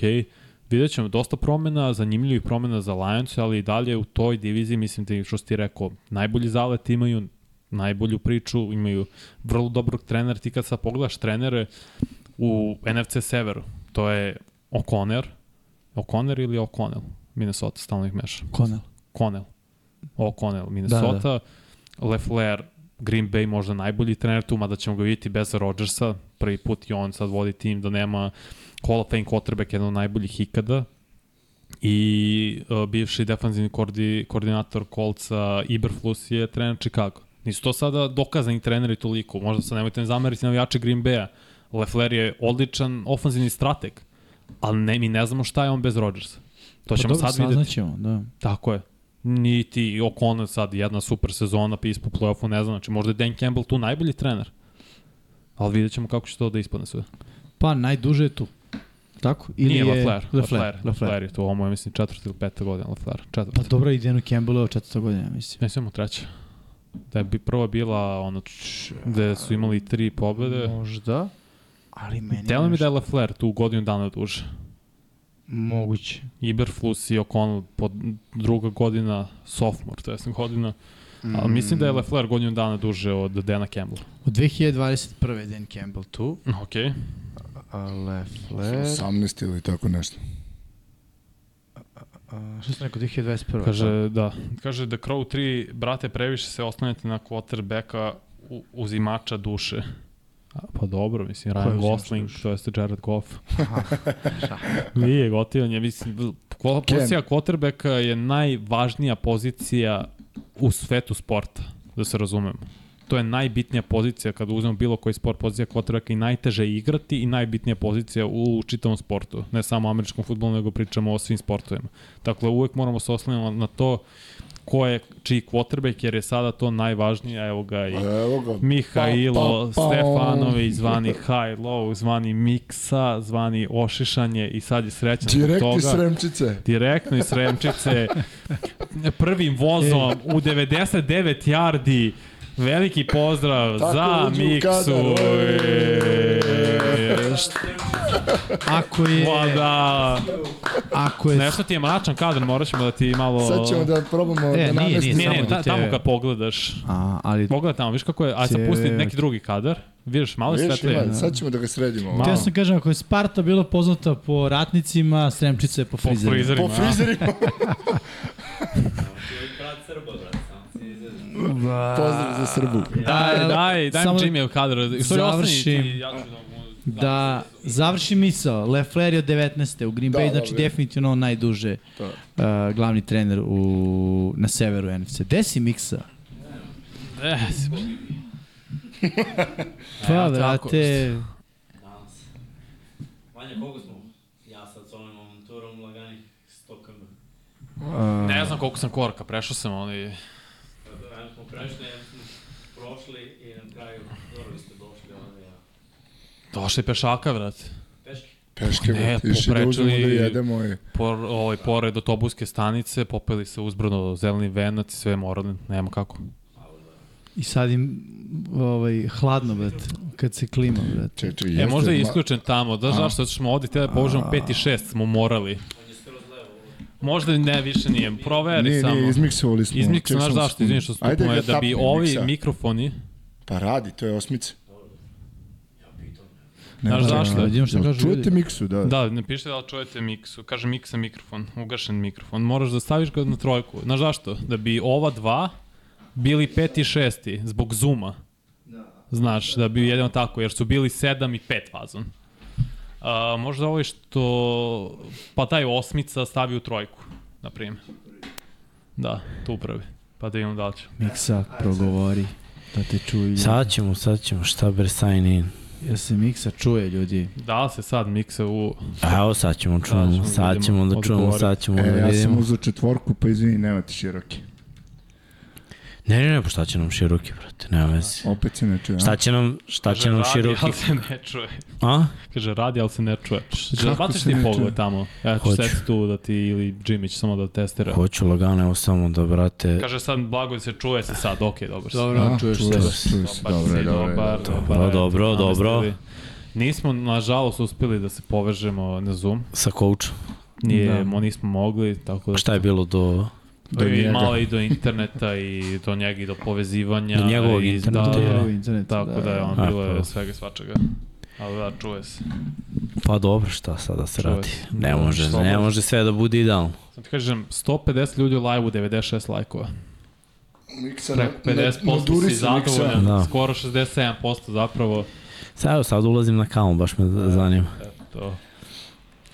A, Šta neki komentar o 16. 15. i sad 14. 16 Green ste Bay. prošli. Da, Pa, da. 16 Green Bay, Kako ste vredni, momci? 15 Cleveland i 14 Detroit. Detroit. Pa mislim će Cleveland ima bolju sezonu, iskreno, ove godine. One su moja ekipa, ono, i Senke. Ne mora da znači, ali ovaj, sve ono što se, što se skupilo, Dešon bi mogao da odigra solidnu sezonu, trčanje će biti i dalje, to mislim nije Čant, ali Čab, koji je baš konstanta. Uh, mislim da je trener već dugo u sistemu i mislim da im je odbrana najbolja sada od kad je Baker draftovan. I ovaj tandem za Darius Smith i Miles Garrett, brate, to je zastrašujuće. To nema double tima tu. Mm. Ne možeš da double timuješ obe Još strane. Pritom imaju sredinu. Imaju i sredinu. Da, da, znači, defanzivna linija im je ubedljivo najbolja.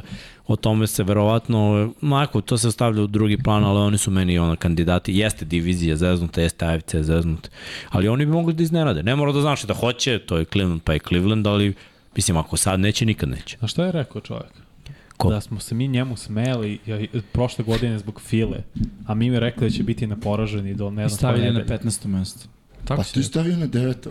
A je bilo 15. 15. spustili? A gdje smo ih provali, gdje smo Mikse ja E, stavili? pokušali smo da, da Niste čujemo. stavili na 9. da Nisu, sigurno. ni, nismo, toliko zato što, znaš šta, jedva su ušli u play-off, bilo mi učića lagano u Ko je play-off dušu pleo? pred dve godine. A, I onda, znaš, s jedne godine u drugu nisu bile neke promene. AJ Brown je bila ono, promena meni da kaže idu u playoff. Ali nije bio Gardner. Znaš, mnoge stvari su se desile u toku sezone koje su kliknule. Onaj drugi power ranking, tu smo ih malo podigli, jer, brate, samo Reci, potpisivanje Gardnera, Johnsona i tako je. Bilo je još par igrača E, u defanzivnoj liniji. Pazi, da su- ovako sad ide Jimmy u kadar. Znači, ja sam ih stavio na 16. Miksa na 13. Dom Pablo na 19. Vanja na 14. Uh, ne, Srki, uh, Srki ih je stavio na 16. Jimmy i Srki Veliki isto na 14. To, ja sam stavio Filu, Filu prošle Ti stavio? Filu sam stavio bolje nego ti, brate. Just Ti saying. ja sam stavio je, brate, 14 netačna kilo. informacija, bre. To je informacija. A prvo je rekao, stavi si 100%. Vi ste se meni smejali. Nazdravlja, brate. Deveti, Jeste tako teško. Ne, rekao, 100%. Možda u drugom No. no. neki. Upravo. Pa viš da nije. Pa nije dobar, bre. Nije dobar snimak. Njegov sistem je loš. Nije dobar. Da. Ja znam da, gledaj, Filov sam vidio u play-offu, kao što ove godine vidim neke ekipe. Ali opet, znaš šta, ne možemo mi neke da. stvari, ovo, Pali klip. malo si igramo mi prognoze ovde, to se ovaj, ne zna. Može samo da bude prvi dvo. Green Bay, par godina dobrih, sad bez Rodgersa, sve ide nekako novo, Jordan Love, ruki hvatači, auto priču, ne verujem da oni uopšte mogu u play-off, tako da ovo možda i velikodušno. Mladi hvatači. Imaju, imaju ok odbranu, pa eto, možda, možda tu bude Kaže Jimmy, To ih bude malo 4K. Da. I, I šta još imamo? Ko je bila? Detroit. Detroit. Detroit. Postane zaslužno. Pa, Detroit, znaš šta, mo, oni me možda i najviše iznenade od ovih svih ekipa, jer oni zapravo, od svih ekipa koje smo prošli, ne računajući NFC Jug, Detroit je prva ekipa na ovoj našoj listi koja može da osvoji diviziju, moje mišljenje. Ove druge ekipe, sve koje smo prošli, znači 8 plus 8, a ne računam NFC Jug, gde svako može da osvoji diviziju ako im bude dobar dan, sve druge ekipe neće osvojiti diviziju, moje mišljenje. Ali Detroit bi mogao da bude ekipa, vidjet ćemo tu. Ja Minnesota isto ne verujem da može da osvoji diviziju. To je moje Sve mišljenje. teško. Možda grešim. Možda grešim. Oni su viši nego Detroit. Čini mi se. Uh, uh, ne, bre. Ne, ne, nisam njih smo odradili prošle nedelje. Vrh, S njima smo završili. Da, Da, da. Da, tako da Detroit mi vidimo, znaš, ovako nisko, a zapravo oni su prvaci divizije. Ma, malo čudno. Mislim, u našoj glavi su prvaci divizije. Dobro, pa, A- AFC je tu zapravo. Verovatno ima 10 tima u AFC-u. Iz AFC-a, pardon. Jer ko je fali zapravo u NFC-u sada? Dallas, Seattle, San Francisco, Fila. Baš tako. 10 timova nam je iz AFC-a u prvi 16. To ti pričam. Samo 6 iz NFC-a. Dobro, to je realno odnos snaga, mislim. Da. AFC je... Kako će dobro? Da. Ćemo, Ćemo dalje. A. Vidi ti, vidi. Oh, flashback u osnovu školu. Eto, Da. da. to radim s devojkom stalno. Kaže Ivan Lukić da nešto kažemo o quarterbacku Goff. Pa da, Goff se popravi. Pa te Ryan Gosling i Gross. Glej, uh, go, Goff sa vrhunskom ofenzivnom linijom je bolji Goff. Onda je golf. gol. Ovo, osmica. Go petica, a? Skoro šestica. ali dvojka nema ništa. Jesi ti upalio klim? Uh, onda je uh, GTI Goff t- Turbo Kaže, Injection. A, evo, bilo pre 6 minuta. Ništa. A, može dalje. Uh, može, na mesto broj 13 i Pittsburgh Steelersi, koje smo inače stavljali ovako. Miksa, Erceg i ja na 11. mesto, to je vrlo zanimljivo. Da. Ko prepisuje od koga? Vanja ih je stavio na 16. mesto, Veliki Srki na 12. baš zanimljivo. Tik ispod svih. I Dom Pablo ih je stavio na 21. Dom Pablo ih je najviše pokopao. Ali eto, Erceg, uh, Mikse i ja smo ih stavili na 11. mesto. Uh, meni se Pittsburgh dopada. Sad će navijači Steelersa da kažu Vanja. Vanja ih je u crni. Pa nije, Nije, stavio nije, sam nije. ih više nego prošle godine, istina. Ja molim te tu vodu da nekako i ja dobijem. brate. Evo, sad ćemo gledati. Srki, ne bilo te zapoveđeno. Do, e, Evo, tu je. Mora neko baš da priča ono u Dobio si... ja ću poslata da pričam, da vidimo. Op, op, op, op, op. Orient Evo, Express. Čekaj, ne može sad, evo ovako. Ne, dohvatit ću ja. Da, ohvatit ćeš. Ajde, Jimmy, pričaj. Ajde, hoćeš Ajde. ja, u stvari nemoj, ajde, ti Ajde, pričaš mogu da- ja. A, sviđa mi se Pittsburgh, sviđa mi se Pickett od Dobro. prošle godine kao ruki. Mislim da je pokazao dosta. Mislim da je pokazao dovoljno, ajde tako da kažem. A, igra trčanjem prošle godine je bila malo u krizi, ali više mislim da je to bilo zato što su imali drugačiji plan, odnosno ideja je malo bila više da se igra a, kroz vazduh. Dobro. Najee Harris je brutalan talent, brutalan running back. Mislim da će ovo biti godina u kojoj će da klikne i igra kroz vazduh i igra po zemlji. Uh, sad što se tiče hvatačkih opcija, Dobro su. Oni- Mladi su Dionte Johnson, pro bowler. sad ste ja kažem, oni imaju svoje te standardne ono, hvatače koje u jednom trenutku pre par godina nismo znali gde da rangiramo, kako da ih rangiramo, ali de facto je Pittsburgh mašina za pravilnje hvatača. Mislim, Pittsburgh kao, kao organizacija, Steelersi. Uh -huh. E sad, odbrana je tu onako malo veći znak pitanja u odnosu na ranije godine, jer uh, su pretrpeli neke udarce, po, kad kažem pretrpeli udarce, mislim na sami katovali, u smislu Spillane, Bush, tako niko više. Miles Jack. Miles Jack, to su veliki udarci, pogotovo za najbekersku liniju, ali generalno i za, i za celu odbranu. Međutim, to je Pittsburgh. Onako, po nečemu znamo Pittsburgh, znamo je po čvrstoj odbrani. I nađu, znaju da iskopaju igrače, da nađu igrače. Da. To je isto njihov talent, kao što znaju hvatače da naprave, tako znaju da, da naprave i odbranu. Ne bi bio ni prvi ni poslednji put prošle godine, malo je falo da ono, budu u play-offu, a Trubisky je saseko za tri utakmice sigurno. Mogu, može vrlo lako Pittsburgh da se nađe u priči za, za wild card. Uh, stvarno verujem u, u ovu promenu na, na quarterbacku. Biće mnogo teška konkurencija. Takođe, eto, za njih eto, malo lakše raspored od ostatka u odnosu na Cincy i Baltimore koji su playoff ekipe. Tu će imati malo, malo više sreće. Nisam siguran u ofanzivnog koordinatora.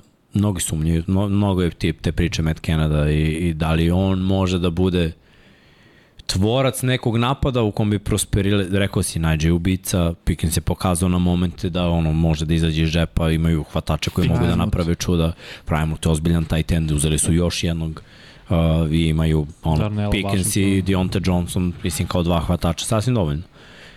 Samo me zanima da li on može da, da napravi otprilike neki playbook koji bi iskoristio maksimum od svih njih. Ne da se oni prilagođavaju playbooku, nego da se playbook prilagodi njima. To mi je u stvari je jedina ovaj mana. Uh, ako ništa drugo, ako su prošle godine imali pozitivnu sezonu, očekujem da ostane tako. Mike Tomlin nikad nije imao negativnu sezonu. Znači, prošle godine ako su došli do 9-8, onda ovaj, bi moglo i, i da bude i ove godine. Tako da, to, to je neko moje očekivanje. Mislim da ono 16. pozicija koliko je Vanja stavio, to je možda najgori mogući scenariju za njih To je granica play-offa, ljudi, to da se razume. Da, da. Pa to što mi se rekao, da se To je 9-8, ono, uđeš, ne uđeš u play-off, to je po meni najgori scenariju za njih, najbolji scenariju za, za Pittsburgh ove godine.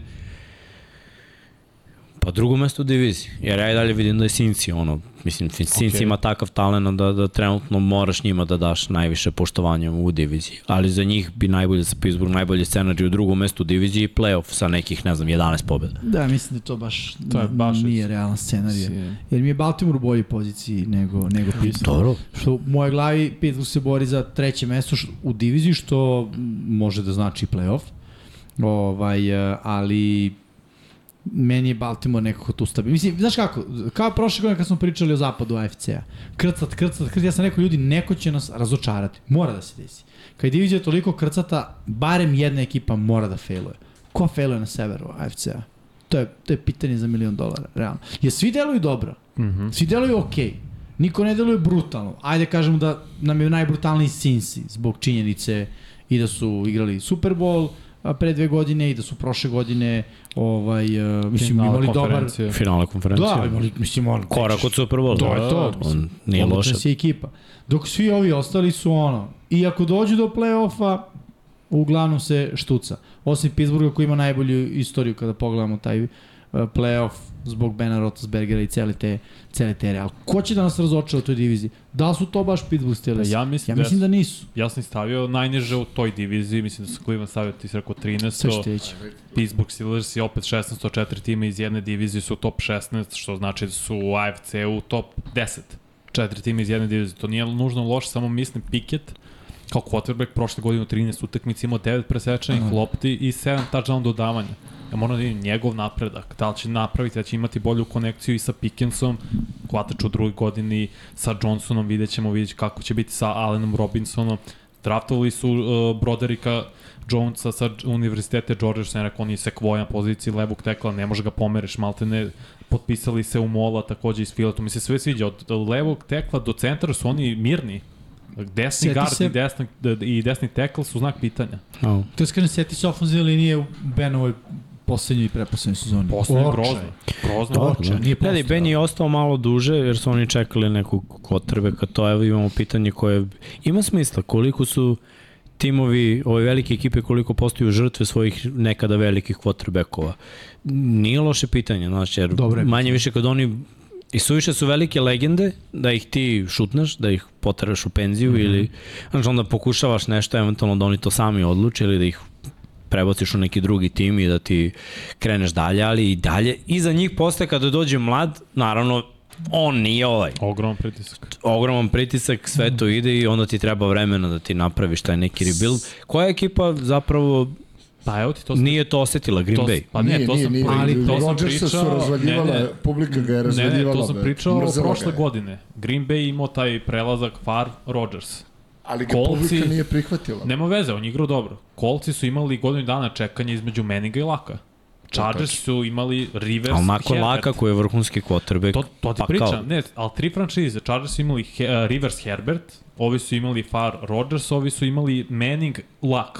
To se ne dešava ljudi u istoriji NFL-a da ti prelaziš sa jednog odličnog quarterbacka Da. na drugog. U, A dobro, jed, ali u rasponu od jedne to godine. su sve diskutabilne osim uh, Favre i Rodgers. Mislim, me, e, uh, Manning lak, šta lak? Lak se penzionisao pre vremena. Ok, ali igrao je Lak. šest godina kao top 5 quarterback u ligi, od kad je Dobro. ušao u NFL. I ništa nije dono kolci. Mislim, ono je realno. finala AFC, to nije bilo do njega. To je bilo do rostera Vidi. sačinjeno oko Dobro. njega. Sve to stoji, titulu. ali u pet godina jedno finale, tako? Znači, nije postigao mnogo. Rodgers je postigao, Rodgers je osvojio Super Bowl. Na individualnom nivou je postigao mnogo. Individualno bio brate. brutalan.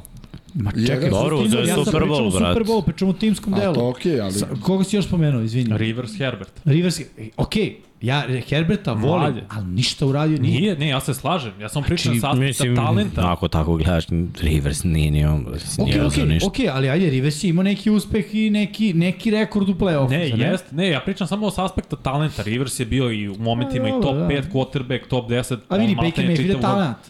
Ali ne, ne, ne, ne, Ne, nije bio nije top 5 quarterback. Ne, ne, ne, Ali pričamo... bio o- prvi pik na draftu. Nažalost. Nažalost, ne bi ga ja stavio top, Da ne bi ga. Ne, ne, pričamo, znamo elitan talent, znači da je top, neko top 5 quarterback u nekom momentu, što je bio i Rivers, bili naravno Manning bio i najbolji quarterback, bio je Favre takođe to, uh, Rodgers isto bio to, Andrew Luck je bio top 3 quarterback u ligi, Herbert mislim da je top 5 quarterback sada, o tome pričamo. Pričamo striktno o talentu, vidjet ćemo da će to da se posle prebaci na pobede i na uspeh u play to sve, to se to potpuno pravo. Samo pričam sa aspekta talenta. Sad je New England je prešao sa Toma Brady-a na Meka Jonesa. Dobro, i to je Tom veliki Brady, na pad. koga god, da su prešli na Herberta, bio bi pad. Pa dobro, ali evo baš pad. pričamo o Pittsburghu, veliki je pas sa Bena na bilo šta. I, i Pickett, ja jest, ne znam šta je. Iako je Pickett nije lepo odradio pad. posao. A Me- kako meni nije? Pa zato što je pad. tebi u glavi verovatno Big Ben od poslednjih dve godine. Nije, nije, nije. Ali, brate, nije. Big Ben je bio je jedan od najtežih quarterback. quarterbacka za sekovati. Čovek je, brate, predvodio, Znam, ali nije, nije pad kao sa Brady-a, to ću da kažem. Nije, pa ali ništa ili kao nije sa pad Rodgersom. kao Ima sa Brady. sezonu Pa bolje je Big. Ben meni od, od Rodgersa. Brate, dva Super je donao. Meni talentovani nije. Nisam rekao Imao da je- donao, rekao sam da... Nije on donao, ne, ne, ne, Brate. imali su brutalne timove, nije on donao. Imao je i Green Bay, Vanja, imao je Green Brady Bay dobar tim, brate, pa nisu uradili. Ako gledamo uspeh 10 i zasluge, razumeš i koliko je, na primer, Green Bay bio u svojoj diviziji u samom vrhu i koliko je Pittsburgh bio u svoj, izvini, u konferenciji Mhm. u samom vrhu, da nije bilo New England Patriotsa, Pittsburgh bi imao još. Ok, imao bi, ali A Green Pittsburgh Bay se često, a. Green Bay često nije bio u priči uopšte Zato da što dođe su do Super Bowl. imali top 10 odbrana, imali jedne sezone top 10 odbrana i osvojili Super Bowl. Nema To- veze, to Green Bay se često provlačio na uh, rupa diviziju. Ipak je sever AFC-a, Cleveland je dugo, bi- dugo bio rupa. Cincy je imao up and Tako down, je. E, čekaj, Baltimore je čekaj. uvijek bio Dok se gori deo. vraćamo na istoriju, Pittsburgh je imao jednu celu deceniju konstantno tri pro bolera na, na u ofenzivnoj liniji. I imao Antonio Browna, pa brutalne Dobro, Vanja, hvatače ti o pred tome njega. pričaš kao da su to neki pokloni, kao došli da Nisu mrazi kao pokloni, Elan ne, ne, Pro ja sam kažem. Imali su super timove. Podigni se. Ne, podići. Ali, brate, ti, ti mora da razgraničeš, ovo je timski sport, brate. Mora da Znam, ali razumeš. ne, zato ne ti dajem individualno, Benu bukvalno gledaš, toliki. kako mu ne daješ Pa uspeh. nije on doneo dva Super Bowl, nije on bio najbolji igrač. Brate, taj isti tim s bilo kojim drugim quarterbackom ne bi ušao u play-off, brate. Vrlo verovatno. postoji razlika između Toma Brady koji je bio najbolji igrač u svom timu i donosio. Ma Nije, on nije bio najbolji igrač, on je bio, on je bio najbolji quarterback u svom timu, te bro, on nije bio najbolji igrač u svom timu. Nije bio poslednje tri Super Bowla Brady najbolji igrač. Poslednja tri možda, ali nije uvek. Ti šest je uvek. osvojio. Ok, Šta hoće kažem, nije prva tri osvojio zato što je imao Ne, ne, ne, dobru ne, ekipu ne, oko sebe. to, ne, ne, ne. Mnogo ja kažem puta- da Ben nikad nije bio najbolji igrač u šampionskom timu. Ja Ali je bio to- najbolji quarterback, brate. Pa dobro. Razumeš? I najbolji bio je jedan od najzajebanijih Pa nije- quarterbackova. Ne kažem da nije. Glej, što, što više se odaljavamo od te ere futbola koju igra Big Ben, Zajedno sa Ok. Peytonom Manningom, zajedno sa Tomom Bradyom. Ja Oni slažem. nisu znali da rade stvari koje je radio Big Ben. Big Ben je bio spoj tog nekog zabavnog iz 80-ih, tog nekog skrembla, nekog Backyard ludila, fudbal. tromog, tako je, i, i neverovatne ruke jer je pogađao sve i svašta. I sve te hvatače manje više i on napravio. Manje Ja- više. ja Taj Antonio kažem Brown i da cela nije. njegova karijera, ja obožavam Antonio, svi znaju koliko ja volim je Antonija, kao igrač, jer je bio spreman, da, stvarno je bio spreman kao, kao, kao praćka, znači zverina. Vrlo verovatno da ne bi došao do tog nivoa do kog je došao i uzao sve te pare i sve da nije bilo Big Bena. I da boks nije bio rasterećen, vrlo verovatno da Le'Veon Bell ne bi imao one dve, tri sezone koje je imao. Brutno. Ne, ne, ja kažem, ja ne umanjujem Big Bena kao quarterback. Mislim da je bio konstantno top 5 quarterback u ligi. To uopšte nije diskusija. Obe stvari mogu biti istinite. Ja samo mislim, i to je delom je tačno, on nije bio najbolji igrač u Steelersima kad su osvajali Superbolove. Jer je Ajde. bila predvođena odbranom. Brate, ne je bi bio- osvojili Super Bowl da nije lik iskrmblavo 30 sekundi i šiknuo pas u korner Da, sa Antoniju to- Holmesu. Da ocenimo celu sezonu, mislim, mi pričamo o, o jednom playu, ja kažem, nije bio najbolji igrač. Pa nije to jedan play, takvih akcija bilo cela sezona, brate. Dobro, No, mnogo, mnogo, da mnogo ima, mnogo ima, mnogo ima, no, ali ne, nije sve statistika, brate. Znam. Jer, znaš, nekad ti igraš lošu tekmu, ja sam imao tekme, nema me celu tekmu i uhvatim touchdown i mi dobijemo jedan touchdown razlike. Što će kažeš da te nije vredan taj touchdown? I šta, uđi u statistiku i vidiš imam jedno hvatanje za 6 yardi i touchdown. sve- Statistički gledano možda je bilo prvo na utakmici, a ne I- poslednji. Ne, ali, znaš, ono, kao, da. i kao, Sve to stoji, ja samo kažem, mojim Timski očima sport, nije, brate. Nije jeste timski Pa dobro, sport. evo sad imam pitanje, lupam. Troj Polamalu, Dobro. doprinos ili Big Ben doprinos? Tada, kad je odbrana bila bolja od Kad napada. god hoćeš, mislim. Tu je. Vidiš, sta, pa to ti kažem, stan, ja, ti, ko je bolji bio? James Harrison? Bio MVP defanzivni, brate. Ne, ne, ne, hoću Yes. da kažem, eto, ko je taj lik, ok, nije bio Big Ben, ko je taj koji je bio? Sad bi morao saočekati Najbolji igrač. Pa teško je, to ti kažem, mora bi da uzmeš i da gledaš imena, jer uh, nije, to nije ja- samo imena, znaš, zato kažem, ne, ne treba gledati to, to ako nisi gledao sezonu sve utakmice i to ne možeš da Naravno. imaš uh, po, potpun doživlje. Jer jedino ovako imaš potpun doživlje. I opet mora, mora da se razume da je ovo timski sport i da ne može isključivo da se gleda uh, individualna statistika ili statistika napada ili statistika odbrane i šta su oni uradili i kako je ovo i kako je ono. Nego jednostavno to, to, taj neki faktor koji, don, koji je donosio Big Ben. Jer oni su bili relevantni zbog njega svake godine skoro. Ja se slažem s Nije, tim. bilo je trenutaka kad je ta odbrana se vukla na staru slavu, a napad je bio tu. I onda su došli do, do momenta kada je Big Ben loš, a odbrana najbolje u ligi bila dve godine Sećam i se. ništa nisu mogli da urade. Ja sam rekao da ništa neće uraditi zato što, brate, quarterback je, znaš, on i dalje igra, ali igra kod Drew Brees zadnje dve godine na staru slavu. Naravno, Ne, ja s tim... Prave glave ne žive od stare slave. Je, samo mi je jasno... Ovaj kada mali je sada u frci bio prošle godine, da li će uopšte da startuje, zato ga nisu stavili da startuje. Da ne bi bio pritisak veliki. I ubacili su najgoru moguću soluciju za Pittsburgh, a to je Mitch Trubisky. Razumeš, koji je hodijući interception koji čeka da se desi. Dobro, i Pickett imao devet. Imao je, ali je dobio tekme. I to je taj moment, to je zato, znaš, kad gledaš statistiku, nije bio nešto savršen. Ali, brate, bilo je utakmica, ja gledam kako su Rešio. i Bal, tako je. Ili ih je I Baltimore, i Baltimore kako je dobio drugi tekmu. brate. To je bilo scramble, okreni se levo, pap, baci loptu na zadnje rame, samo tamo može, pap. Ajde trči, oda, istrči prvi down. Baci on hvataču, baci on. I tipa, ali on je te klinac, to, to te, treba to neko sazrevanje da dođe. Dobro, mislim, dobili su Baltimore bez Lamara, dobili su Raiderse prošle godine bez... O. Ne, loš, loš. tim. Nećemo, nećemo da, Karolinu su dobili... Nećemo da umanjujemo. bez- Imali su Ne, devet ne, pobjeda na kraju. Imali su dovoljno pobjeda da budu šampioni NFC Juga. Jesu, zato što je ovo grozno. Je tako? Jest. Grozno. jest. A nisu igrali ali protiv Ja, ja čitam, vezali su poslednje četiri utakmice su dobili. Tako je. Kaže, dobili su slabi timove. Takav je bio raspored. Baltimore bro. bez Lamara. Takav je bio raspored. Op. Znači, ako gledamo tako, znaš, kako pogledamo igrače na papiru, taj Baltimore ima top odbranu od kada je došao Roquan Smith. I taj isti Roquan Smith i, i Patrick 16 Quinn su, tako je, To je to, pa 16 pojena. dosta. Dovoljno je bilo za što oni Ej, tri više, bre. To gleda, moraš gledaš tako, bre. On da završi tu temu quarterbacku i radi, idemo na sledeći tim. Kad kažem, Mahomes je bio najbolji igrač u Chiefsima kad su osvojili Super Bowl, to će svi da se slože, zato što jeste bio. Zato što je on najzaslužniji za to. To ne može da se diskusuje, uopšte dovodi u pitanje to.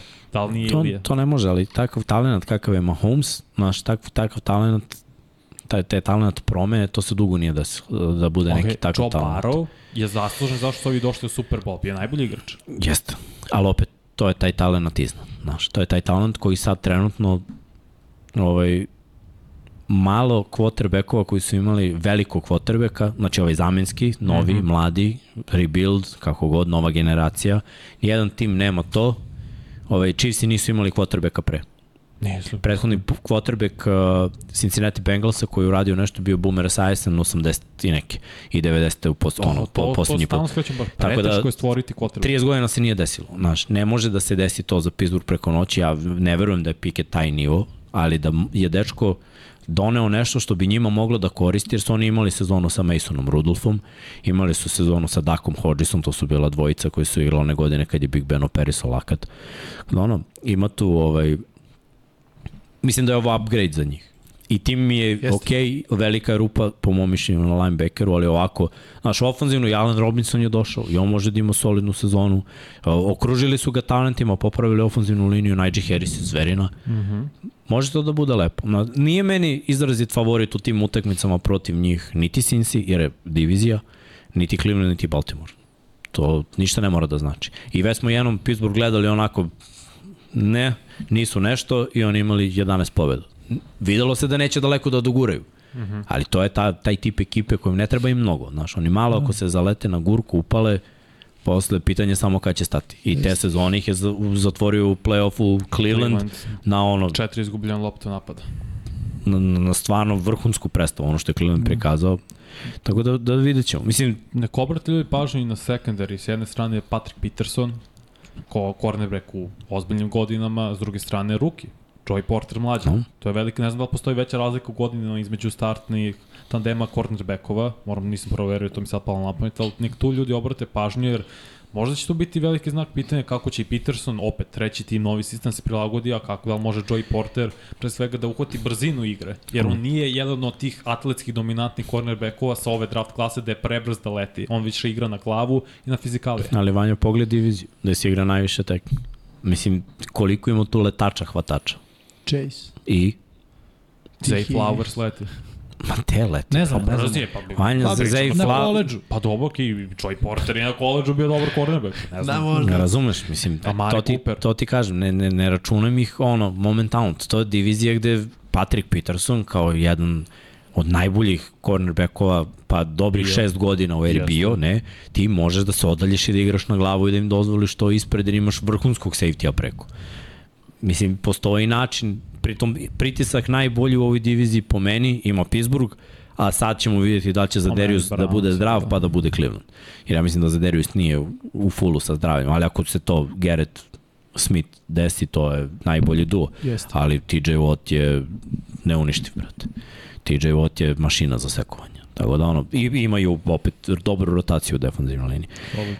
Z- Zajebanje, zaje, zajebanje Pittsburgh ka- kao tim, plus oni su takav tim koji nikad ne odustaje, ono, tim koji nema cheerleadersice, tim koji je ono, fokusiran samo na, na te stvari. Ja znam da oni imaju dosta simpatizera ovde na ovim prostorima da, da. i ovaj, mislim, uvek imam poštovanje prema divizijskom rivalu, jer znam koliko puta sam mislio da Pittsburgh ima loš tim i rešit ćemo ih kad je Baltimore imao bolji tim, pa se, pa se nije desilo.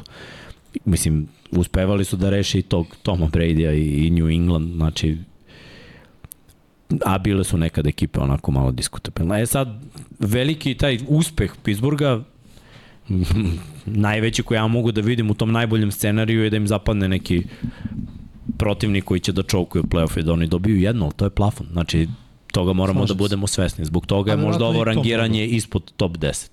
Jer ovo su ekipe koje ako uđu u playoff ne idu daleko u playoff. Moje mišljenje. Ne znam kako ste vi rangirali, ali Da, da. ove ekipe do sad koje smo prošli, mi nikog od ovog ne, ne vidimo valjda da prođe više od jedne tekme Pa u dobro, play-off. po toj logici bi trebali da dobiju divizijskog šampiona. Chiefsi, vrlo verovatno, ne znam, da kažemo Cincy, Jacksonville i ne znam, Miami ili Buffalo. Pa kao što, mislim, kao što je bilo očekivanje da Chargersi dobiju Jacksonville, pa se nije desilo. Da. Ali eto, taj neki scenario, mislim da im naleti Jacksonville, bilo bi opet zanimljivo ko što je i bilo zanimljivo kad su se nalazili u play-off Da. pre. Tako je. Šta A, znam? Ajde, kad smo spomenuli već Chargers-e, možda je vreme da pređemo na mesto broj 12.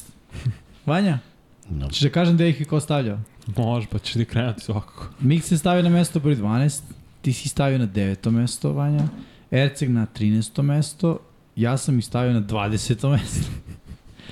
13. mesto Srki Veliki i e, Don Pablo 11. mesto. Sad ja kao neko ko je najviše odskočio treba da se objasnim, tako? Ne Mislim da je ovo godina u kojoj Staley dobio otkaz. Staley je defanzivni koordinator, ali nije glavni trener. Mislim da je za njega head coaching e, preveliki e, zalogaj bio. I ono, sjeti se prve sezone, one odluke da smo svi bili fazonu šta radi ovaj čovjek. Znaš, Četvrti na, ono, gde parking. Da, gde hoćeš igramo, znaš. Zašto? Mislim. I onda, ajde kao jedna utakmica pa kažeš, ok, naučio je. Ne, on je to cijele godine radio i htio da uspostavi da je on glavni. A to radiš samo kada veruješ da drugi misle da nisi glavni. Znaš, tipa ti si sada glavni po tituli, ali mi ti tako ne percipiramo. Da bi nam pokazao da si glavni, radiš neke Suludo. ludosti koje mi kažemo šta radiš, ti kažeš sad ćeš da više sam ja glavni. I to mi se nije dopalo. Prošle godine bolje, ali nedovoljno dobro. Ne mislim na sezonu, nego na isti taj moment donošenja Donošenje odluke. odluka. Ponovo su bile neke sumanuti sulude odluke. I, a sad kuca, znaš. A A, da Herbert dobije udarce, ono, rebra su Malo. već malo stradala, ali mislim dobija. Dobro, to je bio nesrećan slučaj. Jeste. To je pao je na čovjeku u kacigu. Jeste, radiš. ali kažem, Herbert dobije udarce, vreme prolazi, Ekeler je stariji, svi su stariji, Keenan Allen je stariji, ono, ne, nisam to stariji. mislio kao, kao Hataka. Pokaže da vidite kako čovjek stari, svaki minutom ovog podcasta bliži se 36. godine. Mike Williams je potrošeniji, realno, i sad je stvar ono, šta je poenta? Sediti još dve, tri godine dokle ovima ugovori dođu na naplatu, dokle ovome dođe, dođu udarci na naplatu i šta ćeš da postigneš? To je moje mišljenje. Mislim da će ovo biti velika godina razočarenja za, za Chargers-e i, i Staley je poslednji show kao glavnog trenera. E, Vidim ga da posle izvini, toga... Izvini, samo sekund. Kad sam rekao za onu ekipu koja će mi biti iznenađenja na Chargers sam mislio. Iznenađenje pozitivno ili negativno? Pozitivno. Njima, Pozitivno. njima se nekako baš rade. Pazi, Da izgleda. Raduješ se s tobom. Aj čekaj ti, pošto si ovaj, ostrašćen da, da kažem ja. ono. A, Staley, oni neće raditi mnogo ove sezone, ući će u playoff, moje mišljenje su više su talentovani ofenzivno da ne uđu u playoff. Međutim, moje neko viđenje za Staley da mora da se desi neki uspeh tipa finale konferencije ili dalje, da bi, da bi on ostao. A sumnjam da je realno doći do finala konferencije divizijska mi deluje, mislim prošle godine delovalo kao da je normalnije, samo eto takav je bio matchup. Ovaj, što se tiče Staley, stvarno mislim tu da si u pravu i, i da to nije pravo rešenje i da, da im je potrebno drugačije vođenje ekipa. Ovi su više slobodno, lagano. Uh, mislim, bar smo mi naučili da takvo vođenje ekipe ne donosi uspeh. Može tako ekipu da vodi Andy Reid, ali Andy Reid ima koliko godina iskustva i on ako se opusti malo, ali opet on svojim pomoćnicima stavi do znanja da oni moraju da obavljaju taj prljavi deo posla dok Andy Reid ono cool Deda Mrazić, razumeš koji ide, onako izazda se s igračima, snima reklame itd. itd. Ali uh, Staley mora, mora da ima drugačiji pristup, moje mišljenje. Talenat Chargersa je godinama već ono probija plafon ali uspesi Chargersa nikako da dođu do, do, do tog nivoa. I nije jed, jedini trener u NFL-u koji ima sličan, sličan problem, da ima talentovanu ekipu, a da ne može da uradi ništa. A sve rade tipa neke ekipe koje, pa da kažemo, pojave se, par zvezda, bum, i evo ih, ve, već su napravili neku priču. Tako da, manje više ti si pričao za McDermott, ali ajde, bili su bili godinama u problemima. Chargersi nisu bili u problemima kao Bills. Mislim, Chargersi su imali jednu respektabilnu ekipu pre 15 godina. Ta ekipa nije ništa uradila. Futbol se menjao, imali su jednog quarterbacka stabilno, da kažem, neku priču. Znali smo šta možemo da očekujemo od njih. Opet su našli novog quarterbacka, opet imaju jednu stabilnu ekipa priču. sa zvezdama, sa imenima. Ima imena, tako je. Rivers, Tomlinson, Gates, Da. uh, u odbrani Merriman. Merriman, da, da, znaš. Bio je Vedel. junior Sau, Vedel, jeste, ko? Junior su, Da, da, da, da, da. da, da. imali su ozbiljnu ekipu, bre, oni. Mislim su neku kornera imali čak dobro. Bio je Kromart. Jeste, No, bravo, bravo, bio, Da, da. ekipa sa zvezdama, znaš, nije ekipa, mislim, ono, bez uvrede, ali Detroit Lions je ono, kao jedan Mhm. koji se pojavi u 15 godina i ni tad ne urade ništa. da. Da. Izvini, mi se prekao. Da, pa, pa s- samo ono, da do, dođemo do toga da, da nekako nađemo tu sredinu, Ja mislim da si ti previše ih stavio dole, A, doduše verovatno. ti si u toj diviziji digo Denver gore, pa to je tvoje rezonove, ti Da. imaš tu projekciju. Da će Denver biti bolji nego Chargers. Tako je. Mislim da samo Chargers imaju previše talenta da bi dozvolili tako neke stvari, mada Chargersi izgube od Denvera svake godine. To im je ovaj, rak rana da igraju loše protiv loših ekipa. Znaš, nisu izra, izričiti favoriti, izraziti favoriti. I imaju utakmice gde se ne pojave. Kao ono protiv Baltimora ili... Znaš, dođu na neku tekmu i, brate, ne mogu pređu pola, odustanu na polovremenu da igraju i bude neprijatno.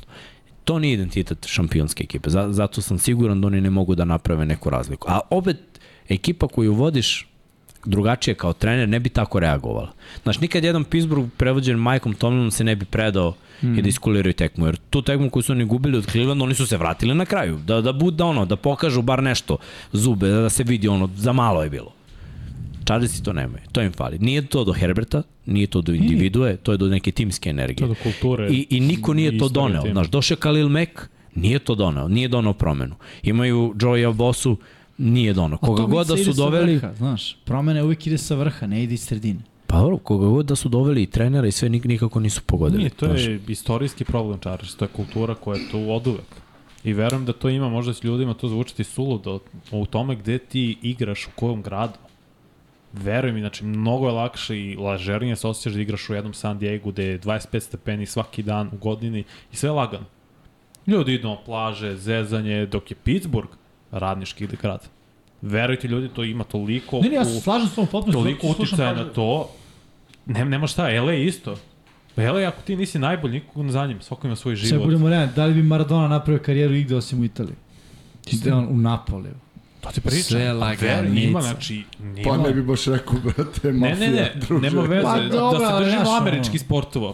Boston, isto je radnički grad. Jeste, Oni jeste. vole svoje sportove i tako ti igraju. Dok ovi timovi na zapadnoj strani, LA, sve to, Kalifornija je malo ležernije. San Francisco je promenio to, zato što San Francisco ima ozbiljno, pričam 49ersima, istoriju i kulturu kao franšiza pobedničko, jer su oni bili najbolji tim de, u 90-ih, 80-ih, 80-ih, tako je, postavili jedne temelje i očekuješ velike stvari. Chargersi to nikad nisu imali. Teo sam kažem, složio bi se tom za, uh, kako se zove, jer sam mi stao, za Staley-a, ali dovođenjem Kelena Mura, mislim da će to biti odrešene ruke Staley da ne, ne proziva akciju u napadu. To će Ma da. biti Mur se i njegova će biti poslednja. Sve ja stoji, se nadam da će sve to stoji. biti promena. Ali znaš kako ide NFL? U kom smeru? Znači, ne, uh, nikak krivicu neće snositi ofenzivni koordinator. Trener.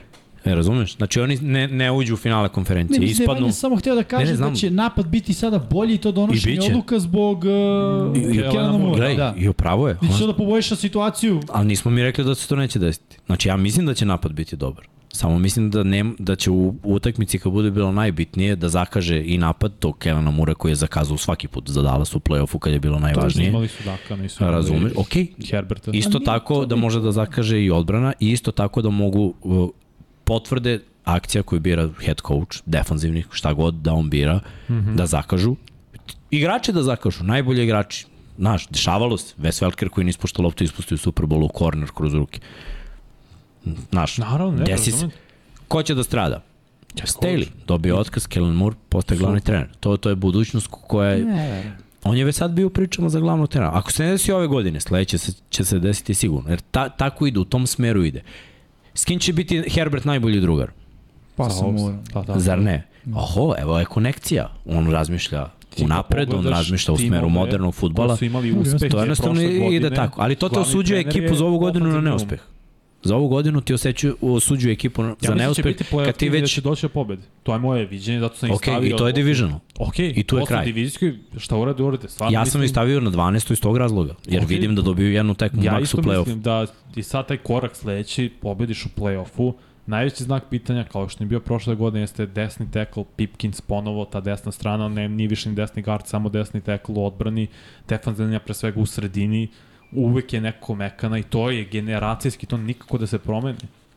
To je kultura, ne znam zbog kog razloga, nadam se da će Ken, uh, pomoći Kennethu Mareju da napreduje kao linebacker i nadam se da će JC Jackson igrati na nivou, ne kao što igra u Patriotama, ali približno tome da se vrati iz povreda u da naprave dobar tandem on i Asante Samuel. Tervin James je jedan najboljih safety u ligi, to ne treba da trošim reči. Mislim da će Herbert imati ponovo top 5 godina. To Ima, ili gledaj, ako č- nema, Chargersi ne postoje. Znači, na, znaš da Tako ta odbrana koju si nabrojao, to je sve hipotetički. Šta ako? Ako se ovaj vrati na formu per 5 godina, ako ovaj bude zdrav, ako ovaj odigra kao u Patriotsima, jedino Derwin James tu konstantno. konstantno igra, ali svi ostali su ako i šta bi bilo kad bi bilo. Ne mora, Ken- ne mora Kenders da igra na nivou nekada, nego samo da poboljša igru Mare. To je meni... I verovatno važno. će sve to da se desi, razumeš? Ali neće Chargersi dobiti tekmu ako napad ne uradi svoje. Naravno, to je sve na I- Herbert. i- jer Ima oružja. I ja Quentin verujem da, da, da, da sa dobrim napadom ti možeš da dobijaš tekme u regularnom delu i da dođeš do 11-12, što mislim Chargersima nije problem, oni su prošle godine stigli do play-offa i išli su na protivnika kog su malte ne hteli, to je najslabiji bio protivnik u prvoj rundi. Ideš na Jacksonville i vodiš i očepiš ih na početku i šta se desilo, stao je napad. Vidi, scenarij s početka meča je bio nestvaran. Sve tu, izvoli uzmi pobedu samo. I loš na start uh, napada, interception, sećaš se bre? Da. Pet izgubljenih lopta su Da, bre, to, to, to ne možeš da izgubiš utakmicu sa pet preotetih lopta. Nije napad Zapravo davao može. poene, da išli su na field goal, field goal, nije bilo touchdownova zapravo, ne poena, nije Ja, bilo to ono što Mix šest rekao, to završavanje utakmice. Tu To, mislim da će Kellen Moore da pomogne. Možda, Kažem- nije, naš, nije pomogao Dallasu, dok ne vidim, znaš, to, jeste komparacija sad, bit će bolje ovde. Mnogi treneri su otišli u bolji scenariju, pa šipak. Ne mora da znači. Znaš, top on, on, ima, on ima dobre zamisli, ja znam njegov playbook, sviđa mi se playbook. Uh, u- implementirao je mnogo više trčanja u posljednje dve sezone u svoj playbook nego što sam ja očekivao. Da li je uticak, uticaj Majka McCartija, ne znam, nisam siguran i on u Green Bayu nije bio baš poznat mm -hmm. previše po tome, ali možda su videli ofanzivna linija, running backovi. Znaš, neka trener bi trebalo da vidi koji talent ima pa tako da pravi playbook. Znaš, ti možeš da imaš svoj playbook u šteku pa ga prilagodiš ovome što imaš u timu. To bi trebalo da se radi. Ajde da vidimo. Napad je pretalentovan. Ti kad uzmeš napad, to, to je, brate, prangijanje od dvometrašima manje više. Mislim, i 6-3 je Allen. Da. Mislim, on ima Johnson metar i Williams, 90, naj, kao najniži hvatač kao slot. To, to je nestvarno, ti samo treba digneš loptu gore i, i laganci. Tako da, ono, ja je- verujem da oni mogu da dođu u playoff i da pobede. Uh, nisam siguran u ovaj scenariju Jimmyje. Ne mogu da kažem da nećeš biti u pravu, brate. Svake godine imamo ovo, da jedna ekipa failuje, jedna mm. ode gore. Ti vidiš ovo, vidjet ćemo. Evo, ja sam prošle godine failovao New Orleans. Svako od nas ima naš projekciju. I Kansas City Chiefs isto. Znaš, stalno ti, ja sam i prošle godine vidio da, znaš, nije njihova godina rebuildi. Osvojili Super Bowl. Ajde, idemo dalje. Ko zna. Ajmo da- Svakog bi za Chargers je bilo dobro da konačno se desi ta neka kultura da dođu do finala konferencije, jer se to nije desilo 2007. Da, Mislim, i sad je to već pokretnim 16 godina. Da, da. Dobro, ajmo dalje, onda kad smo eto već spomenuli Kelena Mura, pričamo o njegovoj bivšoj ekipi. Dallas Cowboysi na mestu broj 11, a, Don Pablo ih je stavio na šesto mesto, Uh, mislim da je to Zato najviše. smo, zato su 11. Da. A, Srki Veliki na 11. mesto, ja sam ih stavio na 10. mesto, Erceg ih je stavio, opet imam probao da ih nađem, aha, evo su, 14. mesto, Vanja ih je stavio na, gde su tebi Vanja čoveče? 21. Da, 11. mesto, da, i Mix ih je stavio na 15. mesto. Mix, hoćeš tebe da krenemo kao najniži rang za njih. Brate, meni se Dallas uopšte ne sviđa kao, kao ekipa kada pogledam šta sve imaju i šta sve nemaju. Oni imaju taj talent na liniji skrimidža koji mogu da dobiju neke tekme igraju u jako lošoj konferenciji, ući će u playoff. Kad pogledam koja ekipa ulazi u playoff, ulazi Dallas. Ali ovo je ipak rangiranje obe konferencije. Jednostavno, kod mene je više ekipa iz AFC-a gore. I mislim da treba da bude tako, mislim da je AFC bolja konferencija. Šta ti nedostaje kod Dallas? Kad si rekao, rekao Uh, previše imaju jednog hvatača. Pa nije. Ajde krenemo tako. Moje Brandon mišljenje Cooks, imaju jednog pravog hvatača. Je Brandon Cooks je, 1000 yardi skoro svuda, za ne?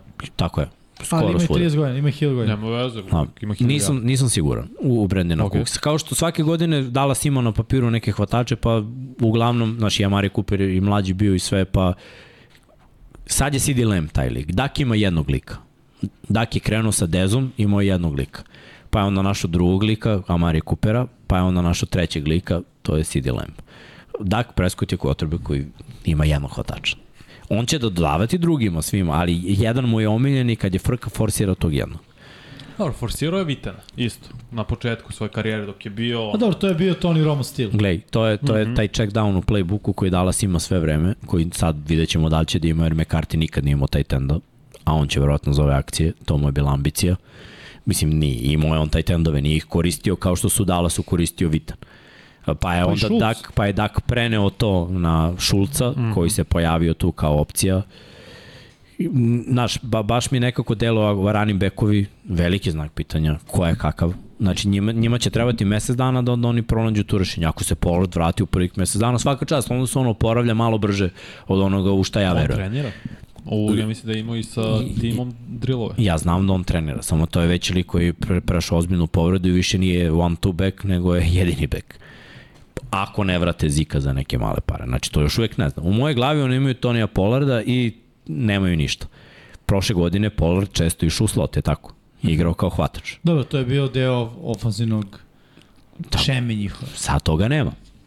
Ofanzivna linija im je pretumbana. Ko je sad desni tekl? Šta, Tyron Smith? Je on desni tekl? Terence Steele. Steel Desni tekl. je desni tekl. Gde, gde je Smith? Levi. Levi. Kako je Smith levi kada je prošle godine Smith. malo? Obojica Smitha su levi. Na levoj poziciji. Dobro. Levi guard, levi tekl. Le, razumeš, malo je pretumbavanja. Znači sad već igramo nešto što nismo igrali pre, ali ajde da verujemo da možemo. Nalaze se u diviziji koja je tabačka divizija. Prljave ekipe. Mislim, Washington igra taj futbol na liniji skrimidža. Znači, ja samo gledam ovako napad Dallas. Igraće protiv Washingtona odbrane dve tekme, znači vraća se ovaj Chase Young i ostale strvine su tu. Igraće protiv File, svi znamo kako igra Fila u odbrani. Svi znamo koliko Fila mrzi Dallas. I, mislim, i Giantsi sad imaju možda ono, respektabilnu odbranu, tu, tu isto nešto da urade. Defanzivno mi se Dallas sviđa. Samo mislim da je ta era zato ću ući u play Ja mislim da defanzivno Dallas ima do, dobru priču. Ugradili su, ako se ne varam, poslednja četiri drafta defanzivno. Znači, malo je bilo zvezda, ost, ne računam ofanzivnu liniju, CD Lamb je bio jedan od pikova. Ostatak, brate, su im sve manje više defanzivni pikovi. Sve njihove zvezde, sada možemo da kažemo zvezde, Diggs. Diggs, pa Diggs je bio druga runda, Parsons prva, Dobro, sad ovo je druga runda isto visoki. Mazi Smith, Michigan sad prva runda, de, defensivni tackle. Dobro, ovaj Smith je bio pre dve godine prva runda. no, ne kažem, van ofanzivne linije, znači skillovi CD Lamb. Da, da. Jeste. Nisu mnogo ulagali ofanzivno. Zato mislim da mora da dođe do ofanzivnog pada. Jer menjaš ofanzivnog koordinatora, izgubio si te starije igrače, a nemaš neka imena. Mislim, Cidi je dokazao prošle godine tek da je broj jedan hvatač. Galup. On je Gledaj, sad nakon, isti. on, je, on je taj tip hvatača, to su ti krupni hvatači koji pripadaju drugoj eri. On je odličan meni, ali ja volim tu eru hvatača iz 2000-ih. 6'3, 6'4, 100 kila.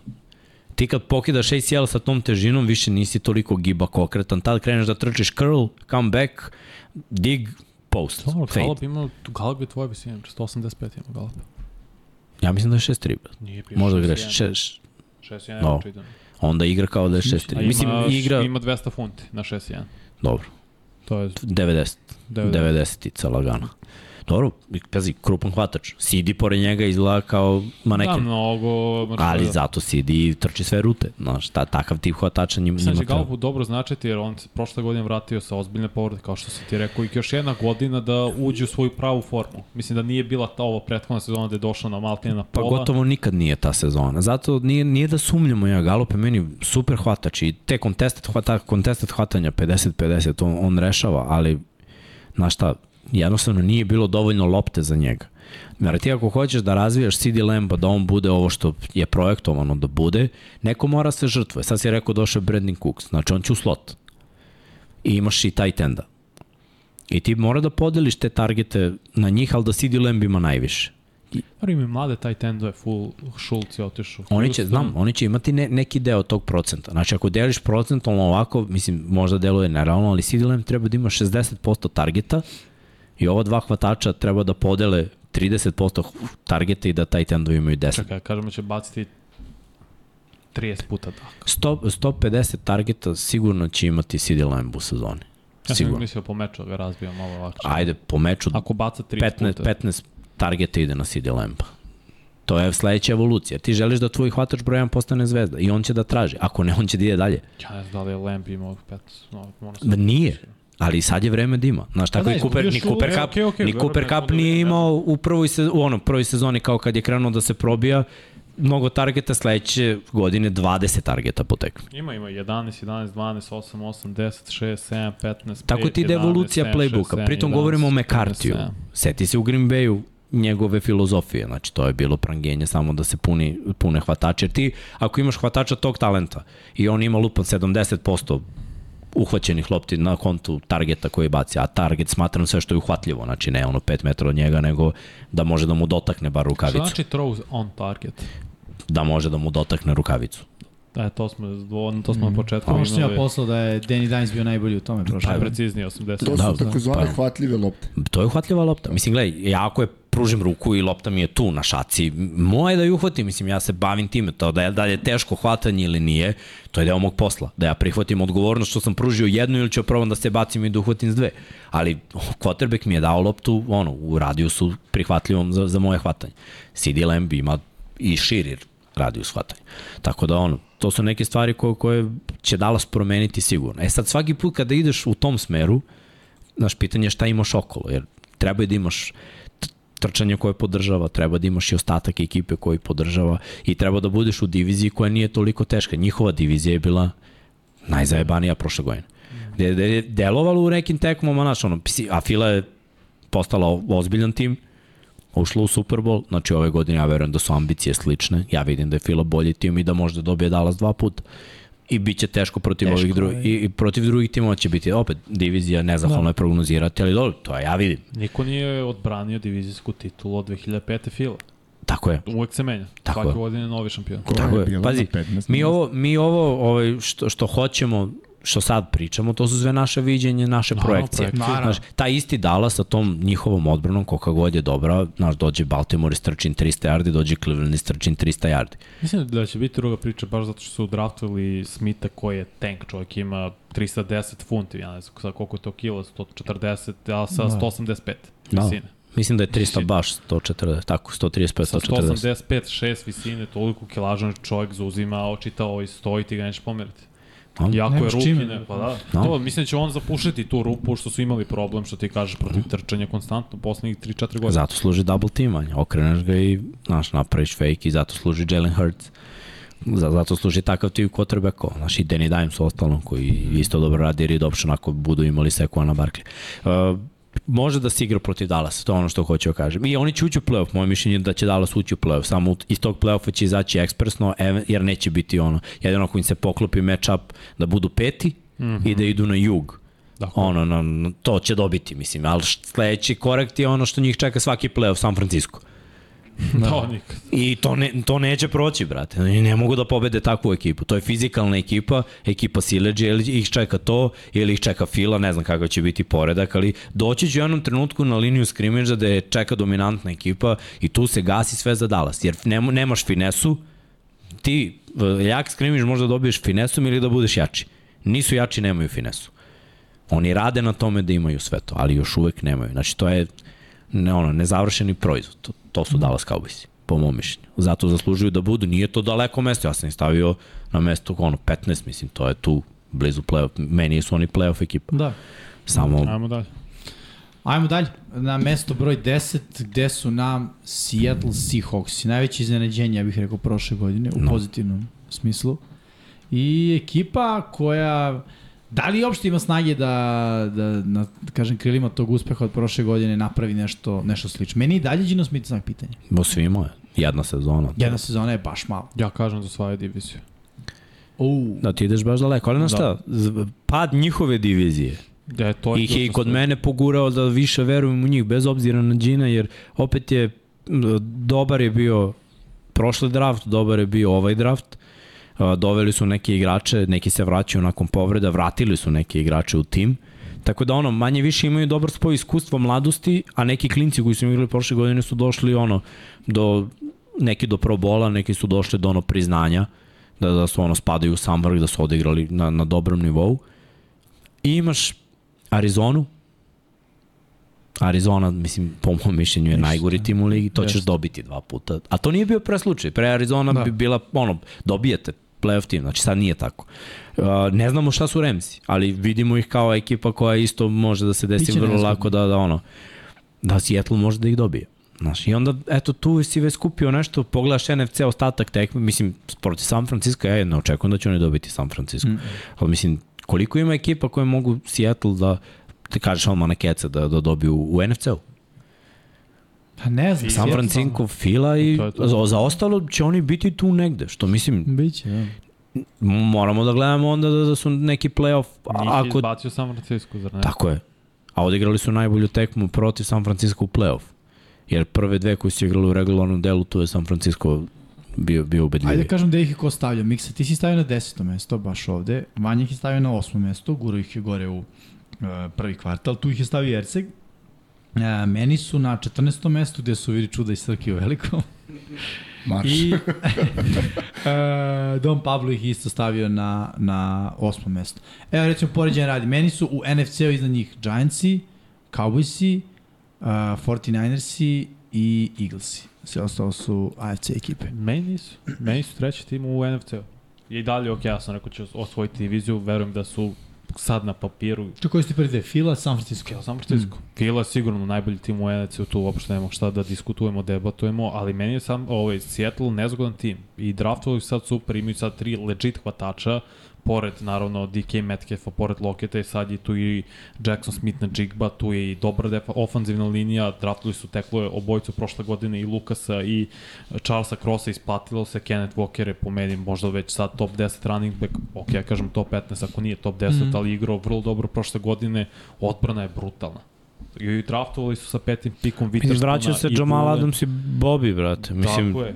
to je veteransko prisustvo igrači koji dalje igraju na visokom nivou. Jeste, ali meni Jamal Adams stvarno Ne nije. veze, On je meni atleta. Diggs je tu, okej, okay, ne veze. Ti je secondary Quadre Diggs, Jamal Adams i ova dva mlada cornerbacka, dugačka, visoka, Jeste, dugačka, jeste. to je nezgodno. Tu je meni možda Witherspoon i najveća zvezda.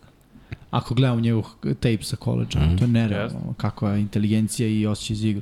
Ali, ovaj, mislim, jeste, ali ne, ne znam, ne, ne mogu nekako da, da verujem. Ne možeš da, da se zaljubiš u Gina Ne, Smitha. ne može, ne, nije to. čak ni to, Ti mora da previše je razumeš, bilo romantično. previše smo mi gledali lošeg Gina Smitha. Da. Toliko da smo se iščuđavali cele prošle godine zašto je on odigrao Znaš, ne veruješ ti da on može da igra na ovom nivou i onda vidiš i samo možda mu pružiš ruku, ali ti ne znaš koliko će to da traje. Jer nije ni prvi ni poslednji koji je on odigrao jednu vrhunsku sezonu i nestao da, posle toga. Zato kad Takvih primjera je bilo mnogo. Koji ti spomenuo Dallas i Giants su ti ispred, ja znam šta je Dak. Ja znam njegove limite. Što ti kažem ja šta je Danny Dimes? 81% kada baci on target. Pa, pa, Ja ne znam šta je Pa Danny ja. Dimes, jer je bacio 350 puta prošle godine u 17 utakmica. Meni je on veća poznanica nego... Meni nije. Nego ovaj, kako se zove, Gino. Gino, njegov Gino je mnogo plafon veći. je više ti, ti si mnogo lako Jonesa. zaboravio Gino Smitha. Zadnji koliko on igra u NFL-u? Deset. Dobro, Ti si nikad nije imao dobar njegovih- tim kao ovaj.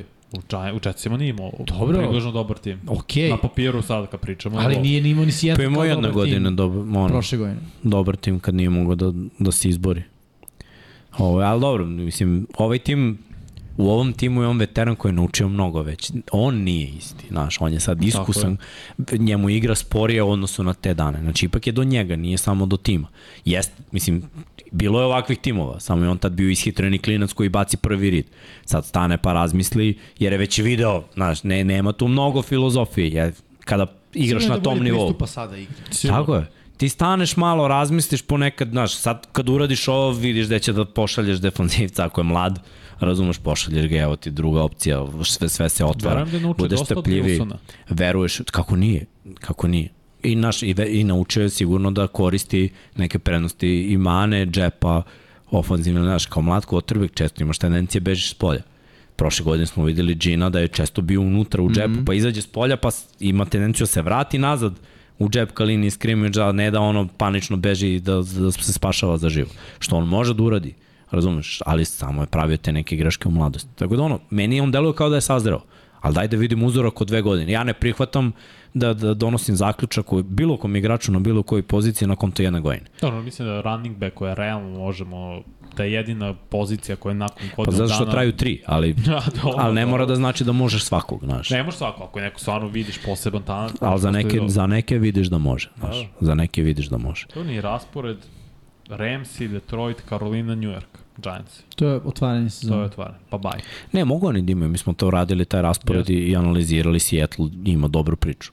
Ne vidim razlog, znaš, mene sad zanima ako uđu u playoff, a mislim da će ući u playoff, da li mogu dobiju playoff? Ko će im naletiti ako budu bili drugi, znaš, ko je ta ekipa protiv koje, ako budu bili tipa peti nosilac, Dobro. da li idu ovamo, Peti jug. nosilac to treba da gađaju, jer onda idu na jug i tu mogu da dobiju. Šesti nosilac, nemaš pojma kako će biti rangiranje, ali ajde da kažemo, NFC vrlo verovatno sever. I to može isto. Da li to može da dobiješ, znaš, a jer ako budeš sedmi i uđeš u playoff, kao ove godine, što su jedva ušli, brate, ideš na Filu ili San Francisco, u moje glavi, to su tekme koje, malo, nećeš dobiti. Borit ćeš se, jer i Seattle ima taj, od kada je Pete Carroll, to taj mentalitet, bore se kao lavovi, mm. -hmm. ali možda neće dobiti. Moja odvažna bold, nazovi, predikcija je bila Seattle, Dallas, finale NFC-a. Dobro, to ti stoji, to ću možda da vidim. To mi stoji, više verujem u Seattle, iskreno, stvarno mislim su da su napokon stigli ili su makar najbliži nivou San Francisco u poslednjih par godina ovog momenta. Baš zbog pozicije quarterbacka i malo se rasula ofenzivna linija San Francisco, pre svega pričamo na toj desnoj strani gde je McLinch i taj isti otišao u Denver.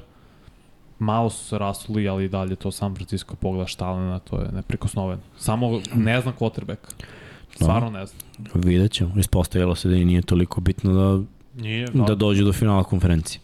Ajmo dalje. Sa dva različita kotrbeka ih vodila do Tri. finala konferencije. A, misliš ova, aha, okej, okej. Do Tri, finala Da, da, konferencije. tri u sezoni, okej, okej. Dobro, idemo na poslednju ekipu za danas. To je da kažemo najbolji u ovom kvartalu, što nisu Seattle Seahawks i logično, njima smo malo prepričali. To su nevidljivi sivci.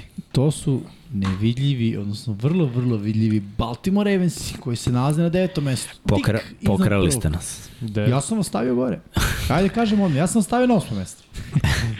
uh, ušli ste u prvi kvart. Srki Veliki je Baltimore stavio Baltimore na šesto mesto, da.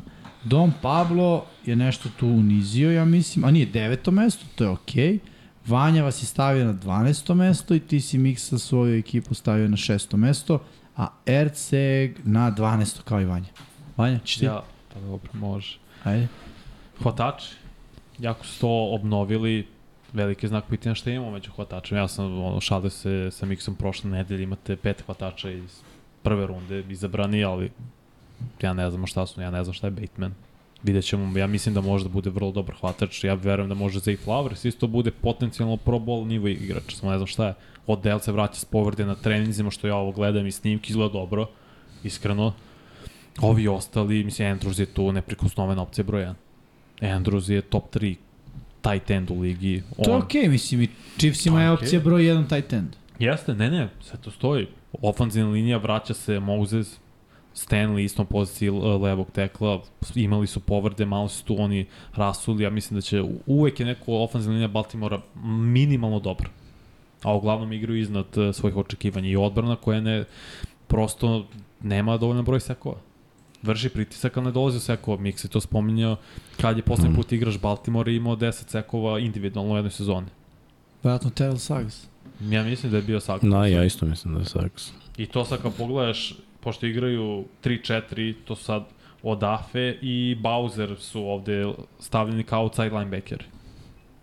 Madubike je levi defensivni end, Broderick Pa. Ođabo će možda isto da bude tu. Nadam se hoće. Ja meni on da bude svideo- starter Da, već on sad. sviđao sa Michigan. Vrao poravio se pro, prošle godine dana od te povrede Mm. Ahilove tetive. Secondary vrlo dobar i Humphrey mislim da može da se vrati na onom nivou što igrao pre dve godine. Kyle Hamilton kao safety, ja sam ga obožavao na Notre Dame-u, igrao je vrlo dobar prošle godine. Mislim da može i onda podigne nivo igra Marcus Williams. Pitanje je ta leva strana, preko puta Humphreya, sad je Rock Yassin. Pre je bio, pomozi mi kako se zove, Peters, Marcus Peters. Mm. Tu je isto znak pitanja. Imaju dobri igrači, se samo hoću da vidim ko može pored Andrewsa da iskoči kao hvatačka opcija za Lamara. Srki, Pa dalje J.K. Dobbins. Srki, importuje ovu sliku koju sam ti poslao u Slack. J.K. Dobbins zdrav. J.K. Dobbins traži novi ugovor. Jeste, on, da, hoće ugovor, Da. Ili igra? Pa ne znam da li će rekao da neće. Pa, Znači, da. J.K. Dobbins, čao. Mislim, nije Mislim, čao. tu je Gus Edwards i Justice Hill, Bio ali... si tu i prošle godine, Bili kao su- što sam bio i ja. Nije, nije, gas nije, gas A nije. nije, pa bio je na papiru pa se povredio, to ću ne, da kažem. Ne, nije bio, mislim, bio je povređen, on nije počeo Treba budemo sezon. sa- Rani bio broj 1, pa se povredio. Ne, Dobbins je uvek. Dobbins je bio. Ne, ne, ali Dobbins je bio povređen, zar ne? Pa onda bilo biće Ali gas. Dobbins je ozdravio za prvo kolo, Da, da, a Gas je ostao na Jaru. I Mm. te kasnije su ga priključili. Nije bio, mislim, na papiru kao starter. Ali nije imao dobro I onda je ušao- sezonu. Mislim. I onda je odigrao par tekmu i povredio se. Imao je 520 yardi Dobbins. Ali ni on, Dobro, on, je, on je odradio dve, tri tekme, pa je bio na operaciji čišćenja meniskusa, pa je napravio pauzu još mesec dana i to. Ali znaš šta, uh, running back, running back me manje brine, ovaj, zato što, mislim, Baltimore će trčati pa će trčati to kogod da stane. Igra trčanja Baltimora se zasniva na, na Lamaru i na ofenzivnoj liniji i na fullbacku i na tri tight enda, tako da to je ono što Baltimore ima i to je ono što, što ovaj, nije, nije problem.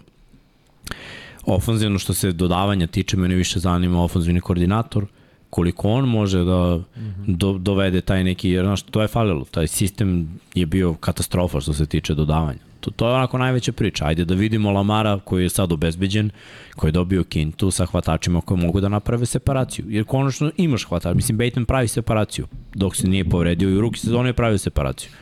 Odell Beckham je čovjek separacija, mislim, Jeste. da se ne lažemo, koliko god povređen, koliko god, a deluje da je, da je u formi.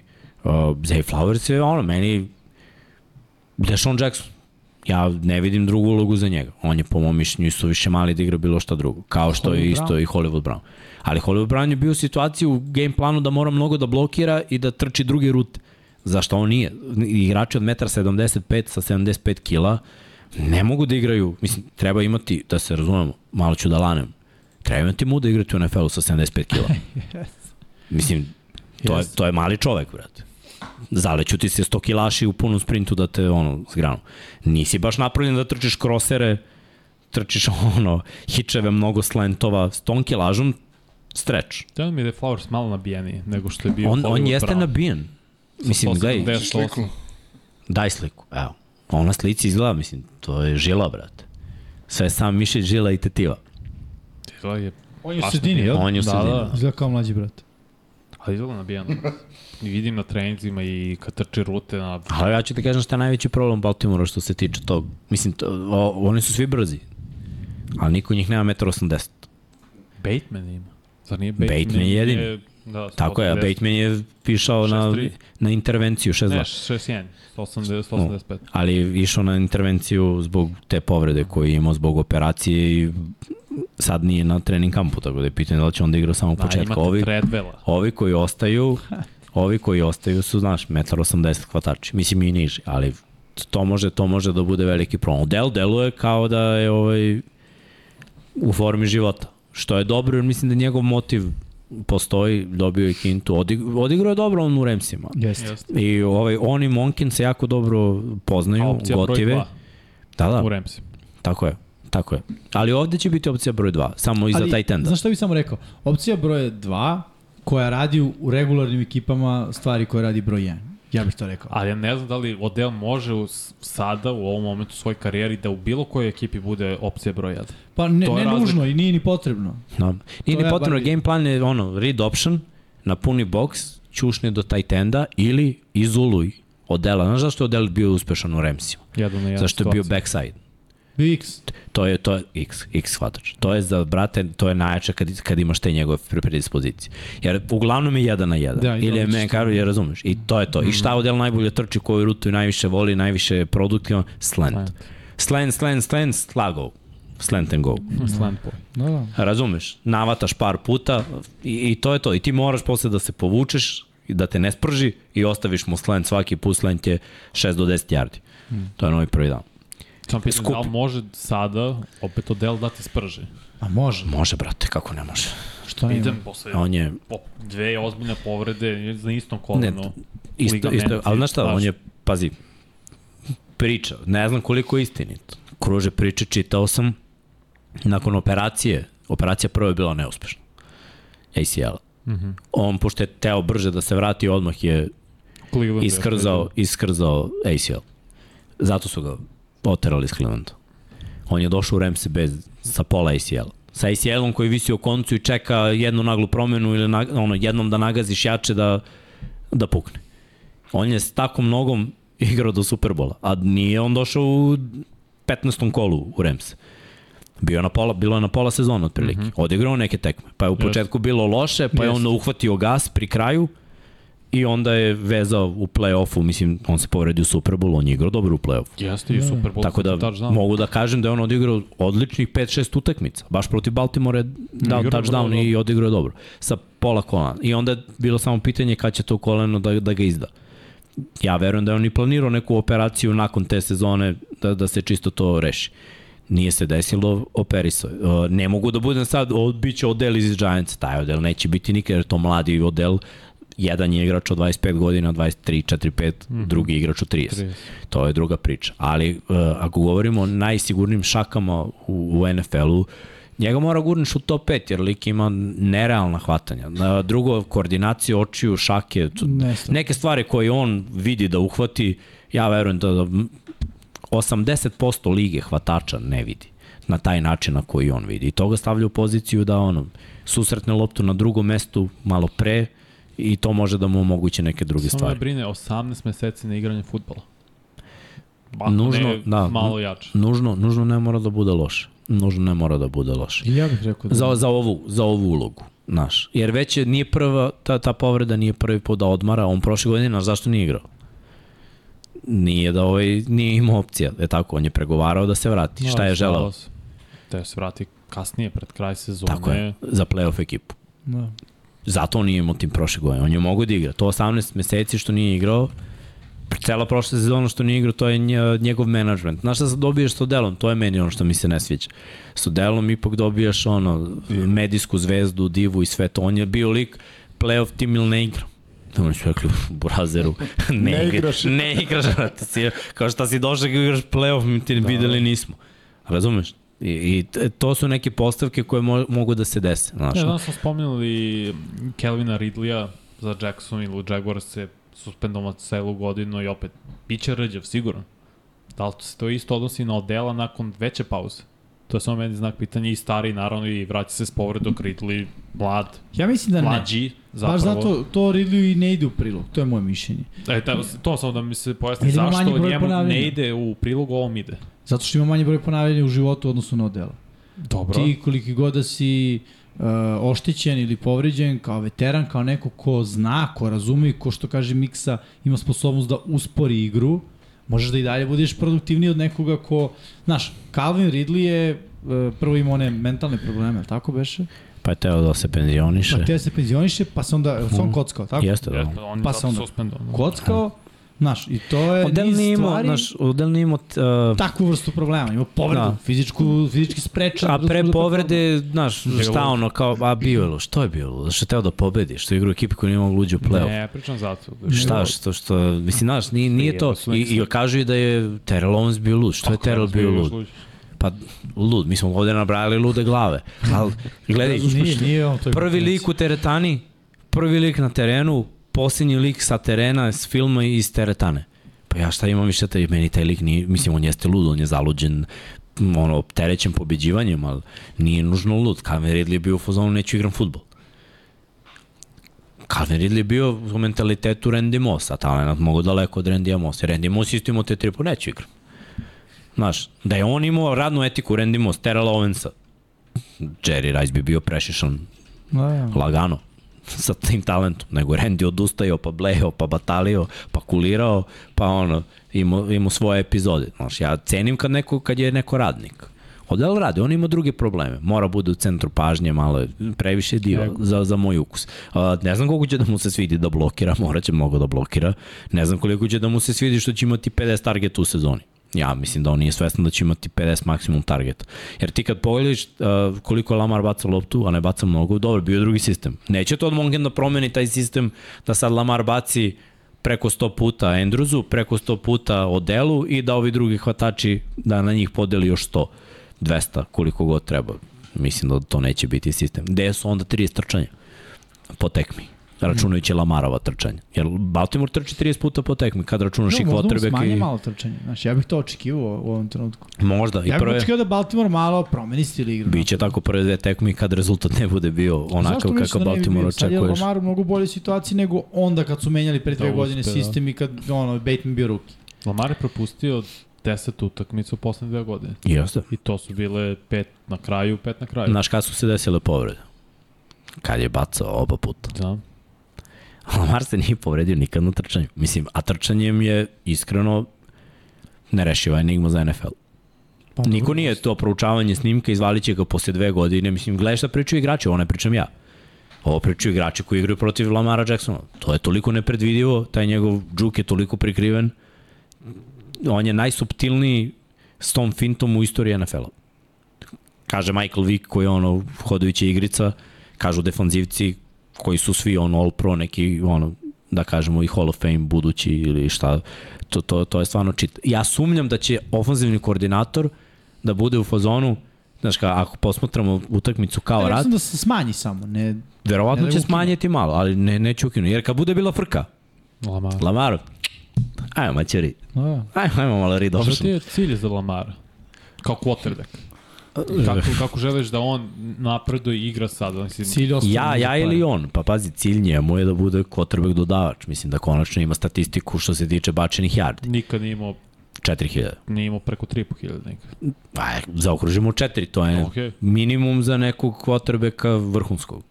Ne možemo smatramo da je neko vrhunski quarterback, a da nema 4000 yardi u dodavanju.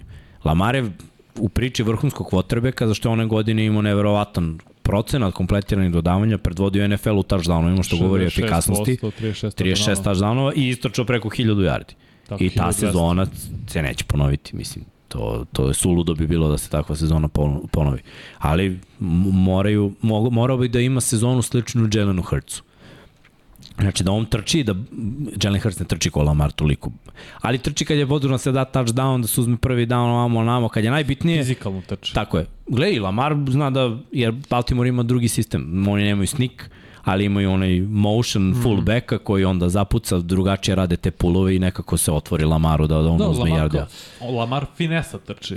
Hrc ja, je trči besno u nekim momentima. Složi se, ono, fizikalno ide u igrača i jači od Lamara i ima veću kilažu, niži je, čini mi se malo, ali fizički bolje građan nego Lamar. Lamar je visok, dugačak. Brate, Lamar ima. Lamar je isto na 97-8 kila, da ti kažem samo. Znam sa 192.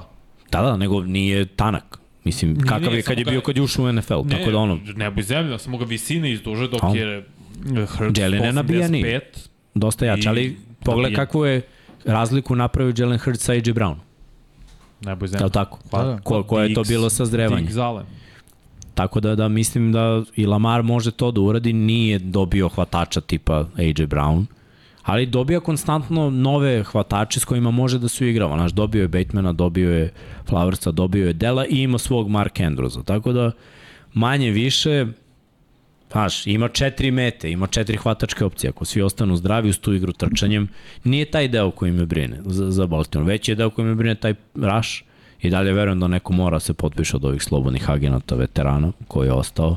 Jer ovi klinci ako budu pogodak, to, to će biti neverovatno, ali da imaš dva mlada igrača da budu pogodak, nije, nije to baš realno. Odustao si od ovih staraca, tako da, da, da će biti ovaj uh, zanimljivo. Uh, šta znam, uh, mislim da je ovo realno rangiranje, da kad pogledaš na papiru i sve te uspehe, mislim, ajde da budemo realni, kad go- ovo- ovde rangiramo tim. Baltimore je prošle godine s rezervnim quarterbackom igrao protiv Sinsija na jedan posjed i da mm. ofenzivni koordinator nije bio Diabola, vrlo verovatno vrlo, vrlo verovatno bi ono bio touchdown i Cincy ne bi otišao u drugu rundu play-offa nego bi Baltimore. Znači sa kakvom ekipom su oni igrali barabar sa finalistom konferencije ispostavit će se kasnije. Hmm. Znači govorimo o timskom sportu. Svega stručni jedan odgovor i opis bivšeg ofenzivnog koordinatora Grega Romana. E, bi zvao sneak sa 2 jarda za rezervnog quarterbacka dive. Mislim, Ja ne bih ni Huntley zvao na Pro Bowl, ali ne da ga... ali je dobro. ne dire nam Bio je dobar na probao. onim igricama, on gađao Jeste. dronove dobro. bre. A vidimo ovo što je Blago Lampi. Rekao je Jimmy za Forms, da nije moglo baš to, ako misliš na... E, Ima gore, e, hoće Pa- da pošalje. Pa da, da. Napravio je. Srki, e, gde je da kaže Blago Jačevski, Na gde da ti pošaljem Instagram. Forms da im predaš da vide da li im odgovara za power ranking. Na Instagram nek pošalje. Eto ti. Pa može se pošalje na Instagram. Pa može li da se pošalje? A šta treba A link, pošalje? a ne, ne, ne znam kako Valjda to izgleda. Ili poštom, mislim, Ja, ne ne, znam šta se ja šalje. znate ne koristim Ili šalji Excel. Jimmy na mail zapravo, može tako ti najde. Pa ne, moj, moj, moj mail. moj mail. Pa Infinity ovaj. Pa Infinity. Pa dobro, ajde, daj koji mail. Ivan Nedeljković? Ivan tačka Nedeljković at infinitylighthouse.com. Eto, Šaj. blago je na taj mail. Pitaš mene za tvoj mail. Dobro. Ajde, ajde ovaj, da sumiram. Je možemo sve ekipe. Može. Možemo? Ajmo da pogledamo sve. Ili imamo kako je ko rangira u ovom Hoćete tako. Ne, ne, Aj prvo, sve. prvo Prvo da vidimo sve. Da, Da, da. Pa ćemo onda da, da prođe. Ajde, samo ti polako. To ti je ovo posljednje što si nam Ne, pustio. ne, nego, nego Mhm, mhm. A, umeđu vremenu pozovemo ljude da lajkuju. E, fali ti Nisi, jedan ti fali fali. Baltimore. Samo polako. Koliko sad imamo lajkova, koliko imamo ljudi u lajvu? 147 lajkova, 165 ljudi live. Bravo. To je poznat. Ne, ovo je nivo Denija Jonesa. Daniel 81%. E sam tu, a? Ispravim Da, ako on grešim. target, bre. Ali tu, tu To je negde. to, to je to. to je Evo. Ravens. Znači, gornja polovina, donji deo gornje polovine izgleda ovako. 16. mesto Green Bay Packers, 15. mesto Cleveland Browns, 14. mesto Detroit Lions, 13. Pittsburgh Steelers, 12. mesto za Los Angeles Chargers, 11. mesto Dallas Cowboys, 10. mesto Seattle Seahawks i 9. mesto Baltimore Ravens. O ti visoka srednja klasa. Aj- aj- Visoka da. srednja klasa, bravo. Ovo su oni što letuju i zimuju. Ali jedan put. Ali po jedan put. Jedan put, da, šta, šta bi ti, brate, mislim, ko- koliko šta, da letuješ pet puta i zimuš tri Pa, puta. ove godine. A mora da se, mora da se letuje Ovo bar, su ovi bar što dva, tri. letuju i zimuju i voze neki dobar autić. Da, O, par godina star. Ajmo, ajmo ovako, ajmo ovako. Koji od ovih ekipa Mhm. vidite kao potencijalni fail? Fail. Da, sezona, znači, van Ja play-offa, bih definitivno- 7-8 pobjeda maks. Evo, poslednje četiri. Talas. Ja bi dodao i poslednji pet. E, U smislu Chargers, ali okej. Okay. Ajde kažemo, Ja bih poslednjih četiri, poslednjih pet, šest. ne, ne, ne. Poslednje četiri ekipe mogu da vidim bez problema. U smislu, ma ne mogu baš Detroit da vidim. Zapravo. Detroit mora da uđe u playoff ove godine. A mogu Tri od poslednje četiri. Green Pittsburgh Bay i može- Cleveland isto vidim. Da, Pittsburgh može da ne uđe, Isto. Cleveland može da ne uđe, Green Bay može da ne uđe. Tako da ove ostale mislim da bi se zaista trebalo da uđe. u playoff. Dobro, viš kako smo jednoglasni čoveče, baš Da. razmišljamo, ovaj, Da. razmišljamo isto. Dobro, u principu to je bilo to. Srki, možeš da puštaš ovaj malo ove naše, da vidimo Ko gde liste. šta. Krećemo od Dom Pabla, Baltimore na devetom mestu, Jetsi su na desetom, Chargersi na 11. Jacksonville na 12. Minnesota na 13. New England na 14. Green Bay na 15. New Orleans na 16. Od ovih ekipa koji su na konsenzus listi, 3 od 8. 3 od 8. Chargersi, Ravensi i Packersi. Da. Tako da, eto, Dom Pablo se poigrao sa svojim listom. Jako. Možemo dalje. Možda. Erceg, Jacksonville na mestu broj 9, Cleveland na mestu broj 10, Pittsburgh 11, Baltimore 12, Chargersi 13, Dallas 14, Detroit 15, Green Bay 16, što se tiče 8 od 8. Samo Jacksonville. samo E, da, Jacksonville. Jacksonville, izvini. Jacksonville Da, da. nije, ali mislim, Inače- drugačiji je raspored, ali Da. 7 od 8. Znači, Ercegov, uh, Ercegov i Pikovi su najbliži konsenzus. Čovjek izlači prosek. No. To je onaj Nije, Štreber, nego, brate, koji je, od deljenja. on je izučio naše, naš spisak, pošto je poslednje popunjavao. Da, da, da, I onda je da, da, unapred da, proračuno, ako stavimo ovo ovde, ovo ovde, kakav će biti car. konsenzus i on je, moramo da do, timing damo za konsenzus. Prvi on. Prvi on. To je najbolji timing. 100%. Ali onda ne stižemo te nedelje. Ludi genije, ludi naučnik je 100% umešao prste u, u, da, on je flipao tačno Seattle i Jackson. Si rekao njemu Seattle 8, čini mi se. Da, ja, ja mislim da da. da. Tačno to je flipao. Ništa, ajmo, ajmo dalje da vidimo. Sad. Vanja. Ja, Chargersi Chargersi deveti. 9, Jetsi 10, Cowboysi 11, Ravensi 12, Lionsi 13, Cleveland Brownsi na poziciji 14, Minnesota 15 i Steel- Steelersi 16 6. Jets i Minnesota ti samo Da. su ti uljezi ovde, da tako kažem, u odnosu na konsenzus. Dobro. Roki dalje. Ja, New York Jets 9, Dallas Cowboys 10, Pittsburgh Steelers 11, Denver Broncos 12, New York Giants 13, uh, Seattle Seahawks 14, Detroit Lions 15 i New England Patriots. Tebi je ovde pola, 16. brate. Da, Jetsi, uh, Broncosi, Šta je Patriotsi, je tako, Mhm. i Giantsi. Da. Četiri, lepo si rekao. 50. Sen. Kod mene, Giantsi Kako si deveti. digao Giants? A? Da, je. Ti od Danny Dimes kada baci... baci u loptu. 81%. Prvi bre, šta 81%? Prvi, broj 1. Pa to je 81%. Kapu di tu ti kapi. Nije video. Ha? Taj broj 81, kad se spoji, znaš, to... Da, da, sa njegovim brojem Kapiraš? tresa. To je sve, to je sve povezano. 8 plus 1 je 9. Tako Sve je. povezano. Ja ti kažem, Razumeš? Znači ja se vodim drugačijom matematikom, nisam kao Jimmy Jerci. Konsenzus. Seattle dakle. 10, Pittsburgh 11, Chargers 12, Cleveland 13, Detroit 14, Dallas 15, Green Bay. Pa dobro, nije ovo toliko daleko. Ko je Ja- tebi ja ovde? Samo Giants? Čan. Da, da, samo Giants. ja sam ga izmešao. Pa znaš kako, ovaj, Čekaj da miksa. svašta može, svašta može tu da se desi. Srki, imaš mikrofon, Da, brate, sad mi je da čitamo. nisi Imaš monitor. brate. Green Bay, Denver, Seattle, Los Angeles, Chargers i Pittsburgh, Dallas, Detroit i Jacksonville. Ajde, početka sad mi, to. brate. Da, znači broj sad taj 9 početka, Jacksonville, broj 10 Nema Ja- ja sam mesta, krenuo niti na- išta, brate. Deveto Jacksonville, deseto Detroit, 11. Dallas, 12. Pittsburgh Steelersi, 13. Los Angeles Chargersi, 14. Seattle Seahawksi, 15. Denver Broncosi i 16. Green Bay. E sad, šta se desilo sa 9 Jacksonville, 10 Detroit, 11 Dallas, 12 Pittsburgh Steelersi, 13, samo si ubacio jednom ime i, ime i prezime, da kažem, ekipa. Pa, Pre tri su bile kaj, Jackson, mešano, Detroit, da. Mešano, pa dobro, nemam ja iskustva ko vi. Kako Ne, iskustvo, čovječ, čitaš sa, sa, sa tablom. E, Ne je taj voditeljski moment, zato sam izao. I redko se pali 9, kamera. 9, 9% od plate. To su devet, znači, a to je zbog 8 plus Danny Dimesa, 1. tako. da, sa plus, ili će 81%. Pročito si, pročito si 8 ekipa, ali loše. Da. I onda mi skidamo 9%. Tebi Ovaj, su ulizi Broncos i. Jaguars. Da. Dobro. uljezi. Pa da, ulizi. Pronađi uljezi. Dobro, to je to, tako, uh, s ovim smo pokrili ovaj naš drugi kvartal, prvi deo gornje polovine, kako smo rekli, višu srednju klasu. srednje. Visoka srednja klasa. Visoka srednja klasa. Ovaj, tako izgleda što se tiče našeg konsenzusa i videli ste i pojedinačno kako je ko od nas glasao. glasao mi je baš nekako Rangirao, šta je. rangirao. Bravo, Vanja, rangirao, rangirao tebe. Glasao je kao da je sad to kao neki ono... Kao da je neko glasanje. tri Kao Eurovizija.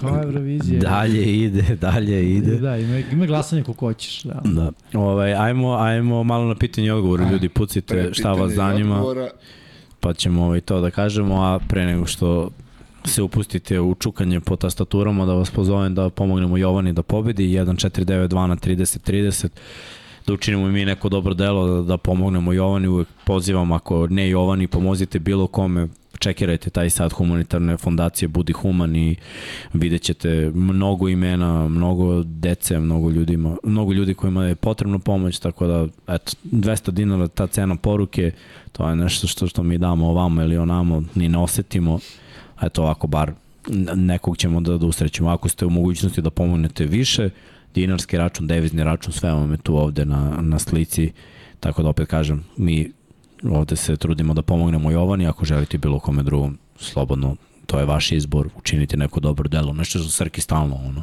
pominje i, i treba tako, ajde da malo poguramo tu karmu, ko dobro čini, dobro mu se vraća. Pa eto, da svi budemo malo bolji i onda će nam biti malo bolje, pa možda budemo i više srednja klasa svi. Ili šta ide posle toga? Visoka srednja, A posle- pa elita. Ah, to nećemo biti nikad Čekaj, ništa. sad su vi- elita. Elita Nema su ovi da sledeći. budemo Čekaj bre, visoka, šta Pa ćemo vi- s visokom? Rekao sam visok. Rekao je, Visoka rekao je. srednja, pa onda elita. A što je sad A visoka de- srednja Pa da. Klasa? A elita je sledeća nedelja. Što ne samo visoka? Gde su ti sa visokom klasom? Da, elita je prva dva, brat. Elita su jedan. Aha, Da, ok, ok, visoka klasa. To su ovi što čitam, mislim, Što On što Što idu, ovaj što idu u Monaku da gledaju da, Formulu 1. da, da, da, da, da, da. Uh, da, pričao sam o tome da 12. jula izlazi taj dokumentarac Netflix o quarterbackovima, da su E, Mahomes. Mariota i Mm. Cousins Viš, Ovaj, ovaj, po na terenu, van statusu terena. podeli. Jedan najbolji, Ko? jedan srednji, pa Kazinc. Oj, izvini. A si se lanuo? Mahomes, najbolji Kazinc tu neka sredina, je, kažem, u top 10 i Mariota, I ono, Mariota. među najgorima. I Mariota. Čisto znaju ljudi kako je svakom potrebu. Zanima me kako su pro- propatili onaj deo sezone kad je Mariota otišao na pecanje. Mislim, No. kad je odustao od ekipe. Pa dobro. A baš dosta. Gdje se čujemo? Znaš, da, da li je odustao iz priče ili ispričao neku priču? Pa dobro. mislim. Jedno čekam, stvarno jedno čekam. Da, dobio Koliko informaciju, ne, dobio je prvu informaciju da ne, znaš, neće biti starter više. Dobro, to nije informacija. Njegova tu informaciju dobije 30 igrača. Znam. Pošto samo 22 dobije informaciju da su starteri. ve. Tako da većina dobije informaciju da neće biti starter. Tako je, A, njegov, a velika većina dobri da neće ni igrati u Da. NFL-u. Do, oni su... njegova odluka je bila da mu, o, to mi se ne sviđa, će da se čujemo. Šta, ko smo mi da dovodimo u pitanje Istini, ipak je on milion. odluke Marko onda je Samariota? Jesi ti nekad bacio sam sebi touchdown, brate, u play-offu? Nisi. Play-offu nisam. Pa, brate. Znaš kao, inače nisam ni inače, ali play-offu nisam. Pošto se Vašem play-offu ne. Imali šanse da za nekoliko sezona Jug NFC-a od najgore divizije postane jedna od boljih zbog rebuilda, kao što je istok NFC-a bio pre par sezona najgora. Pa nije isključeno, samo je velika razlika između istoka NFC i juga su velika tržišta Tako je. istoka, jer Fila, Dallas i New York I Washington, glavni grad. uzmemo Washington kao četvrtu tu po veličini, mislim po veličini tržišta, rekao bih, jer ono, Fila je ipak ima neku aj ne pričamo isto aj ne pričamo o istoriji jer Washington ima bogatu istoriju pre al dugo nisu napravili neku razliku u Fili su uvek očekivanje maksimalno u svakom sportu Ok, ja kad sam rekao tržište, Dallas ja sam je- mislio grad, tržište, tako je ono. ne možemo da pazi. Washington je veći od tipa Tampe Te Ne, ne, grad. vidi, e, moj doživlje kad sam tamo bio ljudi koji sam slušao da Washington nije to što, kako mi doživljavamo. Washington je samo glavni grad. da I ja, ja imam taj I ništa više. da. Bukvalno, Washington je samo glavni grad i tu žive agenti i, i ljudi koji su tu rođeni. Bukvalno. Niko ne želi da ode u Washington da živi. Osim ako ti ni sam da radiš Ali pazi, Dallas, Texas, futbol.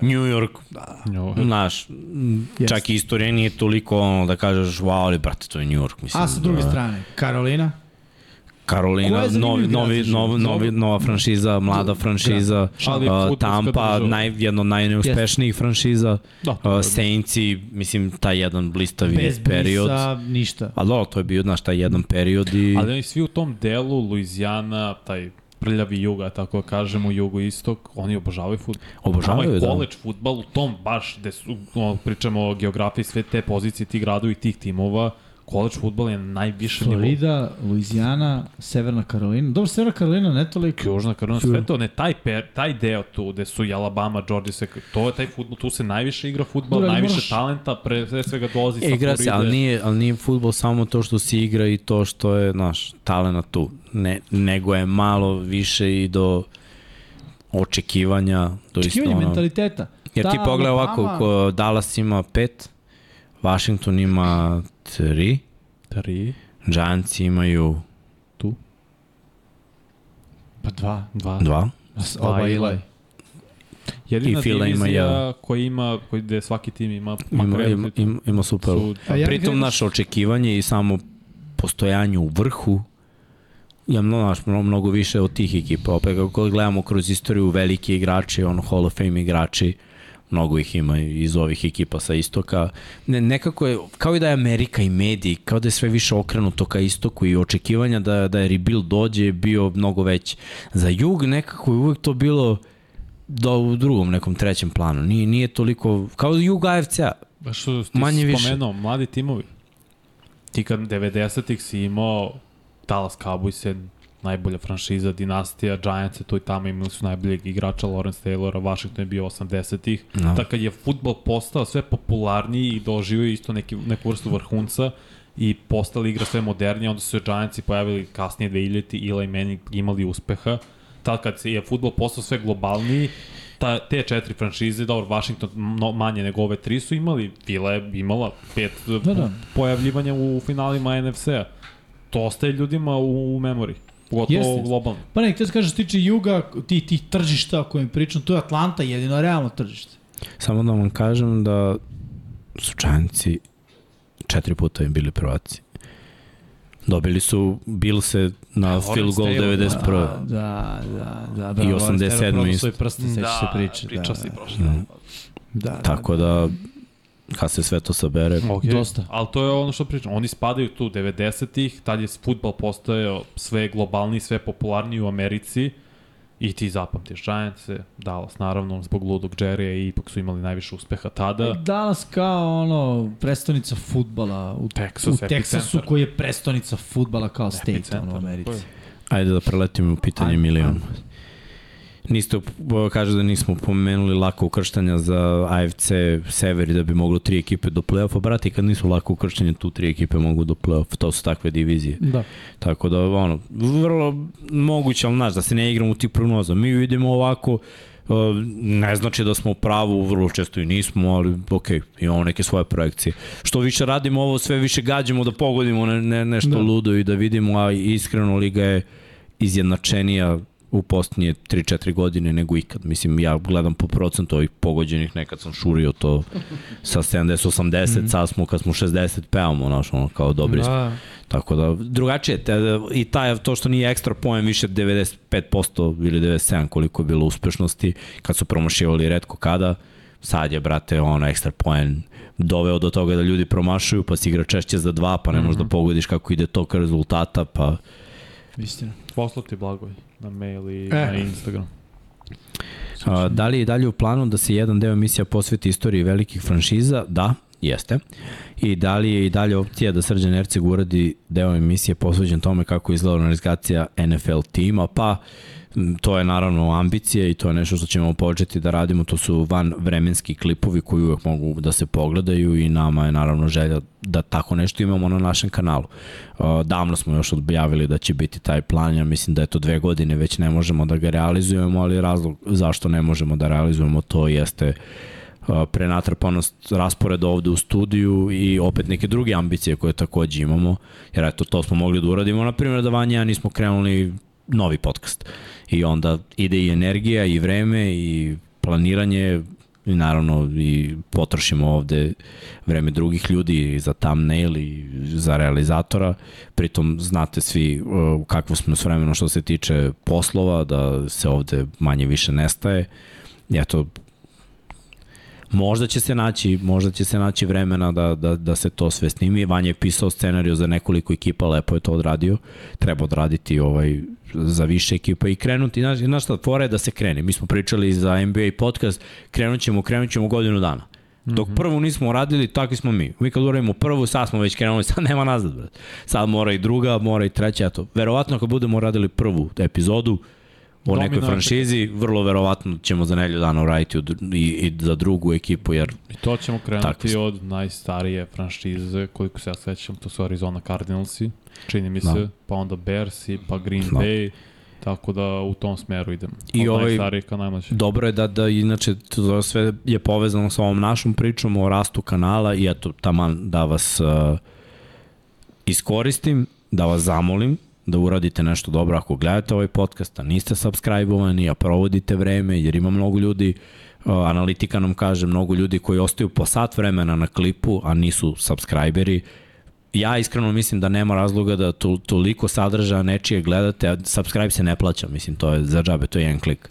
A da na taj način ne pomognete ekipi, jer na taj način mi možemo da rastemo kao produkcija, na taj način sponzori vide naš uh, trud, naš rad kao unosan i ako se sve to ispostavi tako, mi onda možemo da imamo bolje uslove, zaposlimo više ljudi i onda možemo lakše da radimo te neke realizacije, jer sad se često desi da zavisimo od toga što Srki ima posao do 6 popodne, što Jimmy ima posao do 6 popodne, što što mi da, što mi ovo da, što mi što mi da, što mi ovo ili ono, znači on, ako jedan čovjek 12 sati u studiju ne možeš da očekuješ da se s 15 sati snimaju podcasti nam, znači to to je nerealno. Ali možete da nam pomognete, znači bez ovoga što što stalno tražimo, to su ti lajkovi, da čekirate shop, da čekirate Patreon, to su dodatni načini pomoći. A najosnovniji način pomoći ako već gledate sadržaj jeste taj subscribe. Tako da to to vam je ovo neko moje E, analitički ovo re, re, da se rezano. seče se napred ovoga šorca. Da.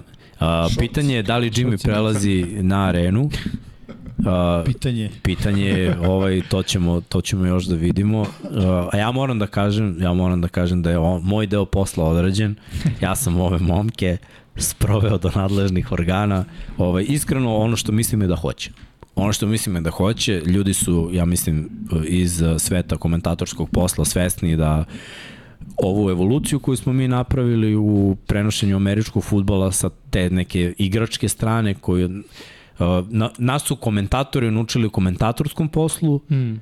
ali mi smo tu doneli nešto drugo, a to je taj segment analize akcija koji nije bio pre prisutan, ne, naravno ne možeš da analiziraš nešto što nisi igrao i što ne razumeš u potpunosti. Pogled sa terena. A, tako da mi, mislim da je to bio idealan spoj da, da su mnogi ljudi došli do spoznaje, da je to prava priča i mogu da vam kažem, evo već sad mogu da, da pričam o nekim stvarima s obzirom da sam dobio zeleno svetlo, da će NFL na areni imati pet prenosa nedeljno, da će biti dve emisije, jedna će biti školica, druga će biti NFL arena i da će imati takođe uh, Red Zone još uvek razmišljamo kako to izvesti, da se radi red zone. Red zone je nešto što ja jako volim i cenim. Iskreno sumnjam trenutno da imamo kapacitet komentatorski, generalno u Srbiji, da to može da se odradi tako i, i da ja ne radim Sunday night.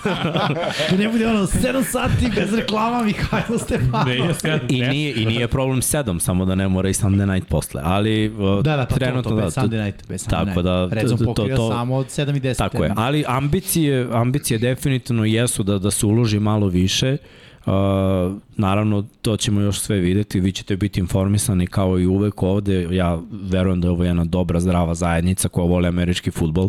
Mi ovde ne bi bili da ne volimo američki futbol, ne bi ovaj, igrali tolike godine za džabe, lomili se i trenirali posle i trošili vreme na sve te planove i ovde pokrenuli podcast i sve zato što nešto ne volimo ili zato što je to unosno, nije unosno, sigurno američki futbol u Srbiji, verujte mi.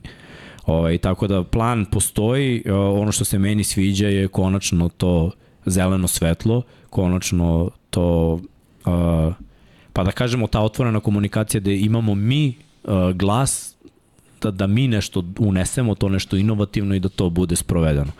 Takođe će biti putovanja, ovaj, da, da, da se ide na, na utakmicu i da se to malo prenese vama ti neki utisci. A, to se još sve uvek čeka, ali vrlo, vrlo verovatno, znači visoki, visoki procenti su u pitanju, skoro kao ovde naš odnos u Kao live-u. Da, kao Danny Dimes. Koliko beše? 81. 81. E, otprilike tako, da, da, da će biti toga. Tako da ja se baš nadam da će ovi, ovi momci, ova ekipa moja za stolom, e, da, da ćemo svi biti ovaj ponovo zajedno, jer ovo je jedan dobar tim, jedan vredan tim, jedan uh, tim ozbiljnih poznavaca ovog sporta i mislim da region zaslužuje da sluša ovaj tim u sledećih 4-5 godina. S 4 godine je za sada taj prvi ugovor, a ja se nadam da će se produžiti i daću sve od sebe da ja lično povučem sve vas i da to dignemo, da lansiramo to, znači da se ide svuda, da se radi sve, da bude suzu intervjua. Ne, ne, neće bi, ovo, ovo, je, ovo je sad naš, ozbiljna priča. O, iskreno, dosta smo kuburili, brate. Dosta je bilo 15 godina igranja i 8 godina komentarisanja i sve to da bi radili na laptopu. Jebeš to, brate. Ajde da podignemo to na, na viši nivo i da sve to bude kako treba i ja se nadam da će Jimmyevi uslovi biti odobreni i da, brate, rokamo Jer, jer biće prilike, biće prilike stvarno. I želim, brate, i da putujemo i da se zezamo. I sve ono što smo pričali, mi smo se našli da. pre četiri godine u Huge Mediji sa jednom panom, Da. dva markera, tri stolice i dve pilate s lopte i krenuli priču o tome da će ovo da se ostvari. Znači da ćemo mi da napravimo podcast, da ćemo napravimo studiju, da ćemo komentarišemo tekme, da ćemo da idemo na utakmice i sve to. I brate, posle svih tih godina truda, kad vidiš da je to tu na dohvat ruke, e, to je, brate, lepo. Tako da, ja se stvarno nadam. A vi podržite ekipu. Eto, to je sve što ja imam da vam kažem. Lepo ovo za kraj. A? Mislim da treba da odjaviš sada i... Gde da odjavim? ima, Zato, brate, Imaš ima, neke izbore. ima, 30, ima 30 komentara, brate. Ko sad da subscribe-uje ono, ne znam. Srama E, bilo. kamen bi se zapustio. E, Do, čekaj, čekaj, čekaj. Evo, imamo ovde pohvale, naravno. Uh, Da, Blago je inače poslao, dokle ti to čitaš, ja sam odgovorio, najviše na isti problem kao i mi, koji ne znamo kako da rešimo. Ljudi koji imaju iskustvo sa Google Formsom ili formom, kako se već kaže, uh, podelite iskustvo. Šta je problem? Mi možemo da napravimo pitanje, ali problem je što ti možeš jednu ekipu da rangiraš na sva mesta, znači ja mogu da stavim jednu ekipu na svako mesto, ili mogu da stavim na uh, jedno mesto sve ekipe. Znači, imamo dva, dva pristupa. Ili od 1 do 32 da staviš jednu ekipu, ili da, da na prvo mesto staviš sve ekipe u NFL. I to je pokvarilo, jel te, ceo priču power rankinga. Ne znamo kako da ograničimo izbor da kad na prvom pitanju izaberem jednu ekipu, ona nestaje na drugom, trećem, četvrtom i svim ostalim a, pitanjima. Ja sam napravio Blagoj malo drugačije odnosu na ono što, što si ti meni poslao. Ovaj, a, ja sam ga spakovao sve u jedno pitanje i neki cross nešto sam ovaj, uk, ukrstio neke ovaj, opcije Ili koje rada. Google Form nudi. Zajednički snaga moram priznati da moja žena pomaže u tome. Ona je taj IT-evac. Ovaj, ja samo iznesem ideju i onda on istraži. da budem iskren. Veliki pozdrav. Znaš, ja smišljam ideju, ti radiš logistiku kao sad. Kolega Da, piše, znaš. Evo, preko, bro. Ali smo da, naišli na taj problem koji još uvijek ne, ne znamo kako da reš, moramo malo da motivišem ženu da to malo više istraži. Da. Uh, imamo ovde dosta pitanja sad vezano za, za ove prenose i to da biće pet tekmi, bilo je na sport klubu 7, nije bilo 8. Kada bude bilo kao što je tamo bilo 8, ovde će biti 6, to su tipa dva Monday nighta. Mm. Uh, biće NCAA takođe, Je. ovaj, tako da Da li znaš će li NCAA biti playoff samo? Pa gledaj, uh, playoff je bio zato što nije imao ko da radi. Mm. Znači, ako mi kažemo hoćemo da radimo, naći će se prostora, nije problem. U tim terminima, kasno noćnim, u, uvek ima prostora. Mada nije nužno kasno uveče. Pa nije, ali neke, ali subotom može, Ima. može Subotom da. ima on, Neki, normalni termini. Za... može da se Da, nađe. da. Mislim, ono što, ono što je prednost jeste da ima mnogo kanala, ono što je ambicija jeste da NFL bude na tim premium kanalima, da, da se gleda da, da bude tako, da se na taj način više malo propagira sport. Uh, da, manje, je, dve tekme su manje, isto će se raditi u parovima, Uh, tako da ja verujem da eto četiri čoveka koji su radila na sport klubu će da slušati i ovamo Vuka Oljarevića i, i nas trojicu, to ono što ja verujem, gotovo siguran sam, skoro kao Danny Dimes, koliko beše? Kako mi se sviđa ovo, brate. Moramo napravimo neki, neku grafiku. Ima da cijelom peru da napravimo, ono samo da prolazi Danny Dimes 81. Na adresno upiše 81%. Obući će Danny Dimes na grafici moj dres 81 i kao prolazi. uh, tako da ono, vidjet ćemo, vidjet ćemo ovaj koja će biti ta, ta priča. Mi, mislim da to može da bude ok ako bude ovaj red zone, jer kroz red zone imate uh, sve utakmice, znači upravo dva termina. Znači to je, ko nije gledao do sada, znači to je samo akcija, primar, primarno su ekipe koje su u crvenoj zoni na polovini, ali se vraća, znači nema pauze, nema reklama, nema ništa, no. samo akcija kroz prva dva termina utakmice. To je, Eventualno ako su svi na poluvremenu, Tako, onda ide rezime. Onda ide rezime, tako, tako je, šta je bilo, tako da Jest. bukvalno pustite akciju i akcija nestaje. E sad moram priznati, recimo, uh, ja poznajem ljude kojima je to jako konfuzno. Moje drugare s kojima smo mi igrali, No. koji ne vole Red Zone, Ja koji su u fazonu, molim te, pusti jednu utakmicu, boli me Jesu glava. se dosta udarili glavu to.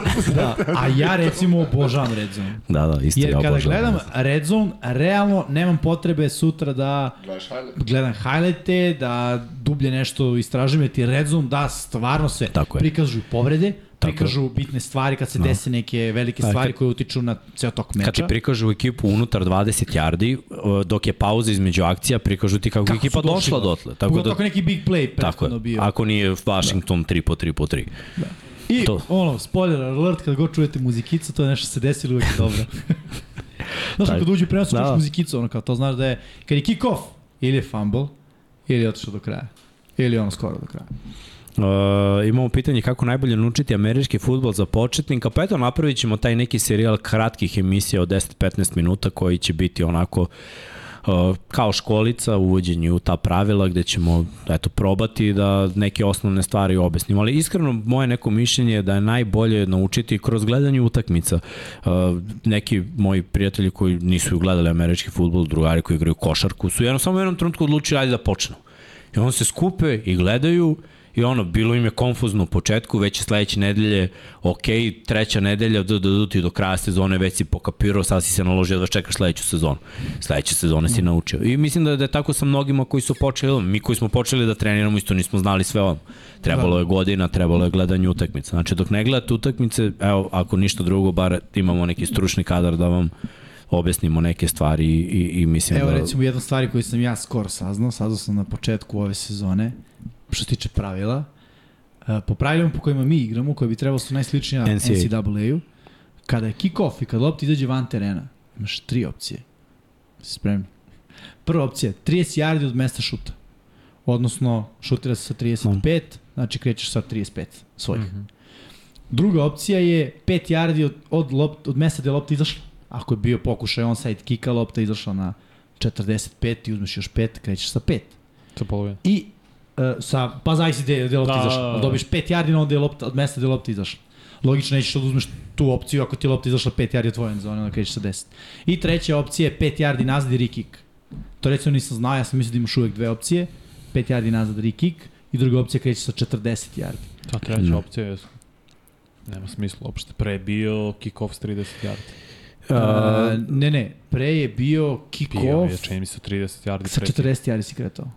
Sa, ne, to je samo NFL. NFL. Bilo 40 yardi. Nakon izlaska u out. U Aha, NFL-u, nije okej, bio okej. NCAA. Da, da, da, da. da. NCAA. Uh, da, inače kad smo već kod školice, ovaj, imate i na ovom kanalu, potražite kako, kako se zove te epizode, mislim da je bilo miksina škola, Tako škole, je, tako je. Tu Jimmy i ja smo imali po epizodi, nismo baš stručno crtali, ali ja mislim da smo da smo vam objasnili neke stvari. Nije bilo analize akcije, jer to ne smemo, ali ovaj, svakako će, ja mislim, to, to I ja bih dodao još jednu stvar, šta je isto jako bitno, da naučite osnove, u smislu šta je cilj.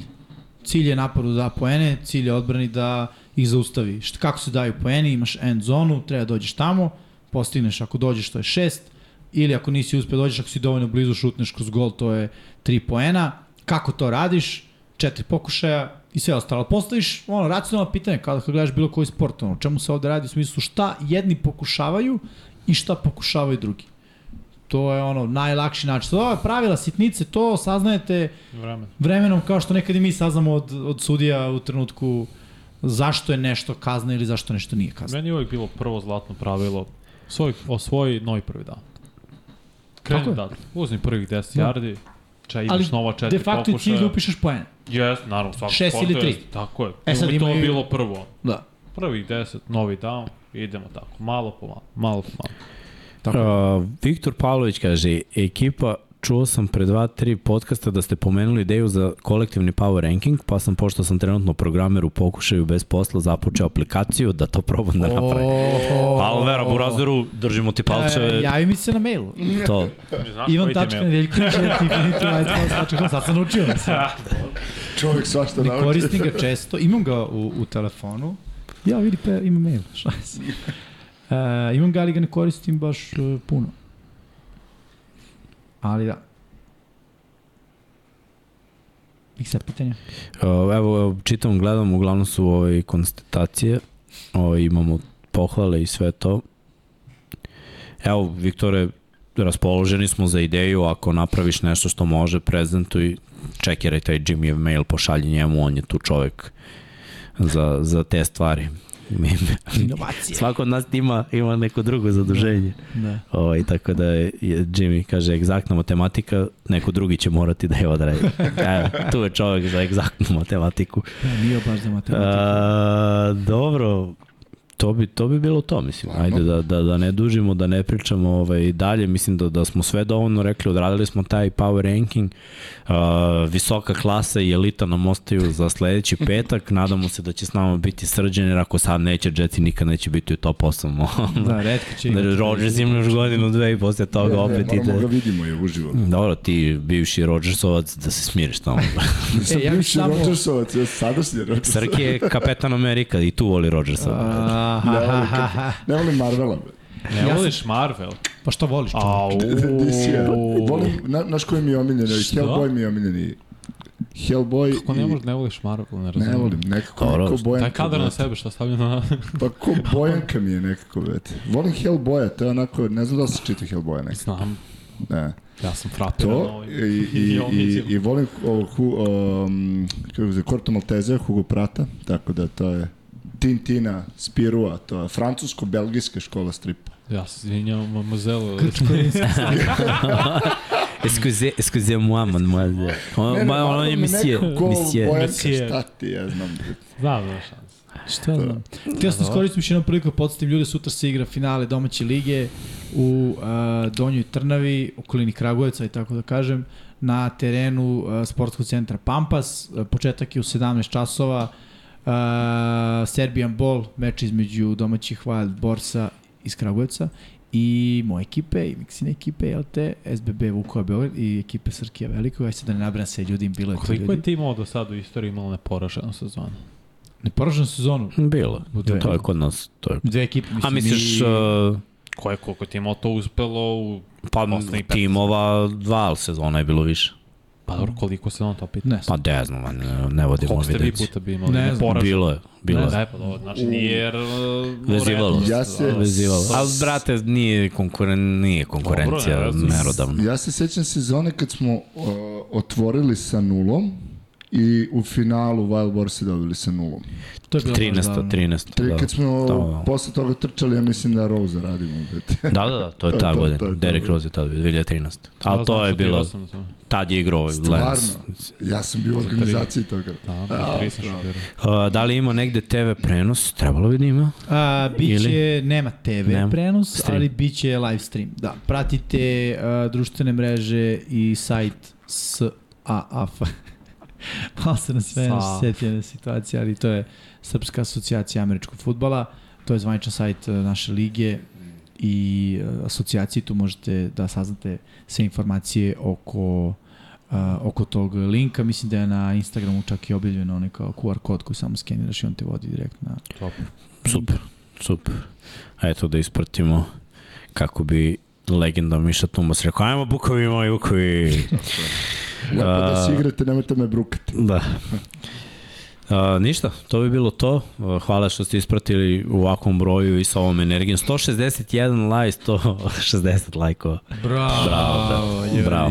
bravo. Inače, ajde malo kad sam već ovde da, da čekiramo tu analitiku. Ti udario like. Hm? Ja Pa ja sam na digital, brate, ovom. Pa Kako? Pa jeste, brate. Udar, udarenje. Pa, znaš, to je sam sebi lajkujem. Znam A to, taj lajk je la, lažni lajk. Se to vidi negde?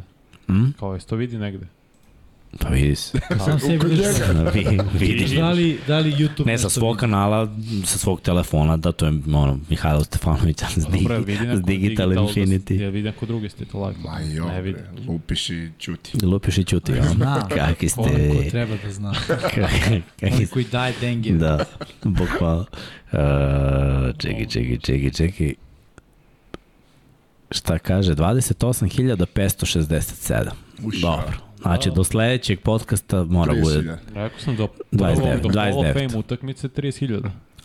Realno, ima dosta vremena, da. ali da kažemo ovako. Dobro, ekipa je bila vredna, spremili smo vam još nešto, to neću da odajem još uvek, ali imat ćete prilike da uživate ovaj, i u jednom intervju i onda imamo i sledeće nedelje ovo i onda malo odmorimo i u avgustu već kreće pre-season, tako da ćemo pričati o tome, biće prenosa i predsezonskih utakmica, tako da, eto, svašta nešto smo vam spremili za ljubitelje američkog futbola, za ljubitelje NFL-a, Biće ovo još jedna dobra sezona i da završimo tako u tom dahu do sledećeg petka, do sledećeg viđenja. Veliki pozdrav iz Infinity Lighthouse studija, Srke puštaj Patreone, a mi se gledamo. Ćao!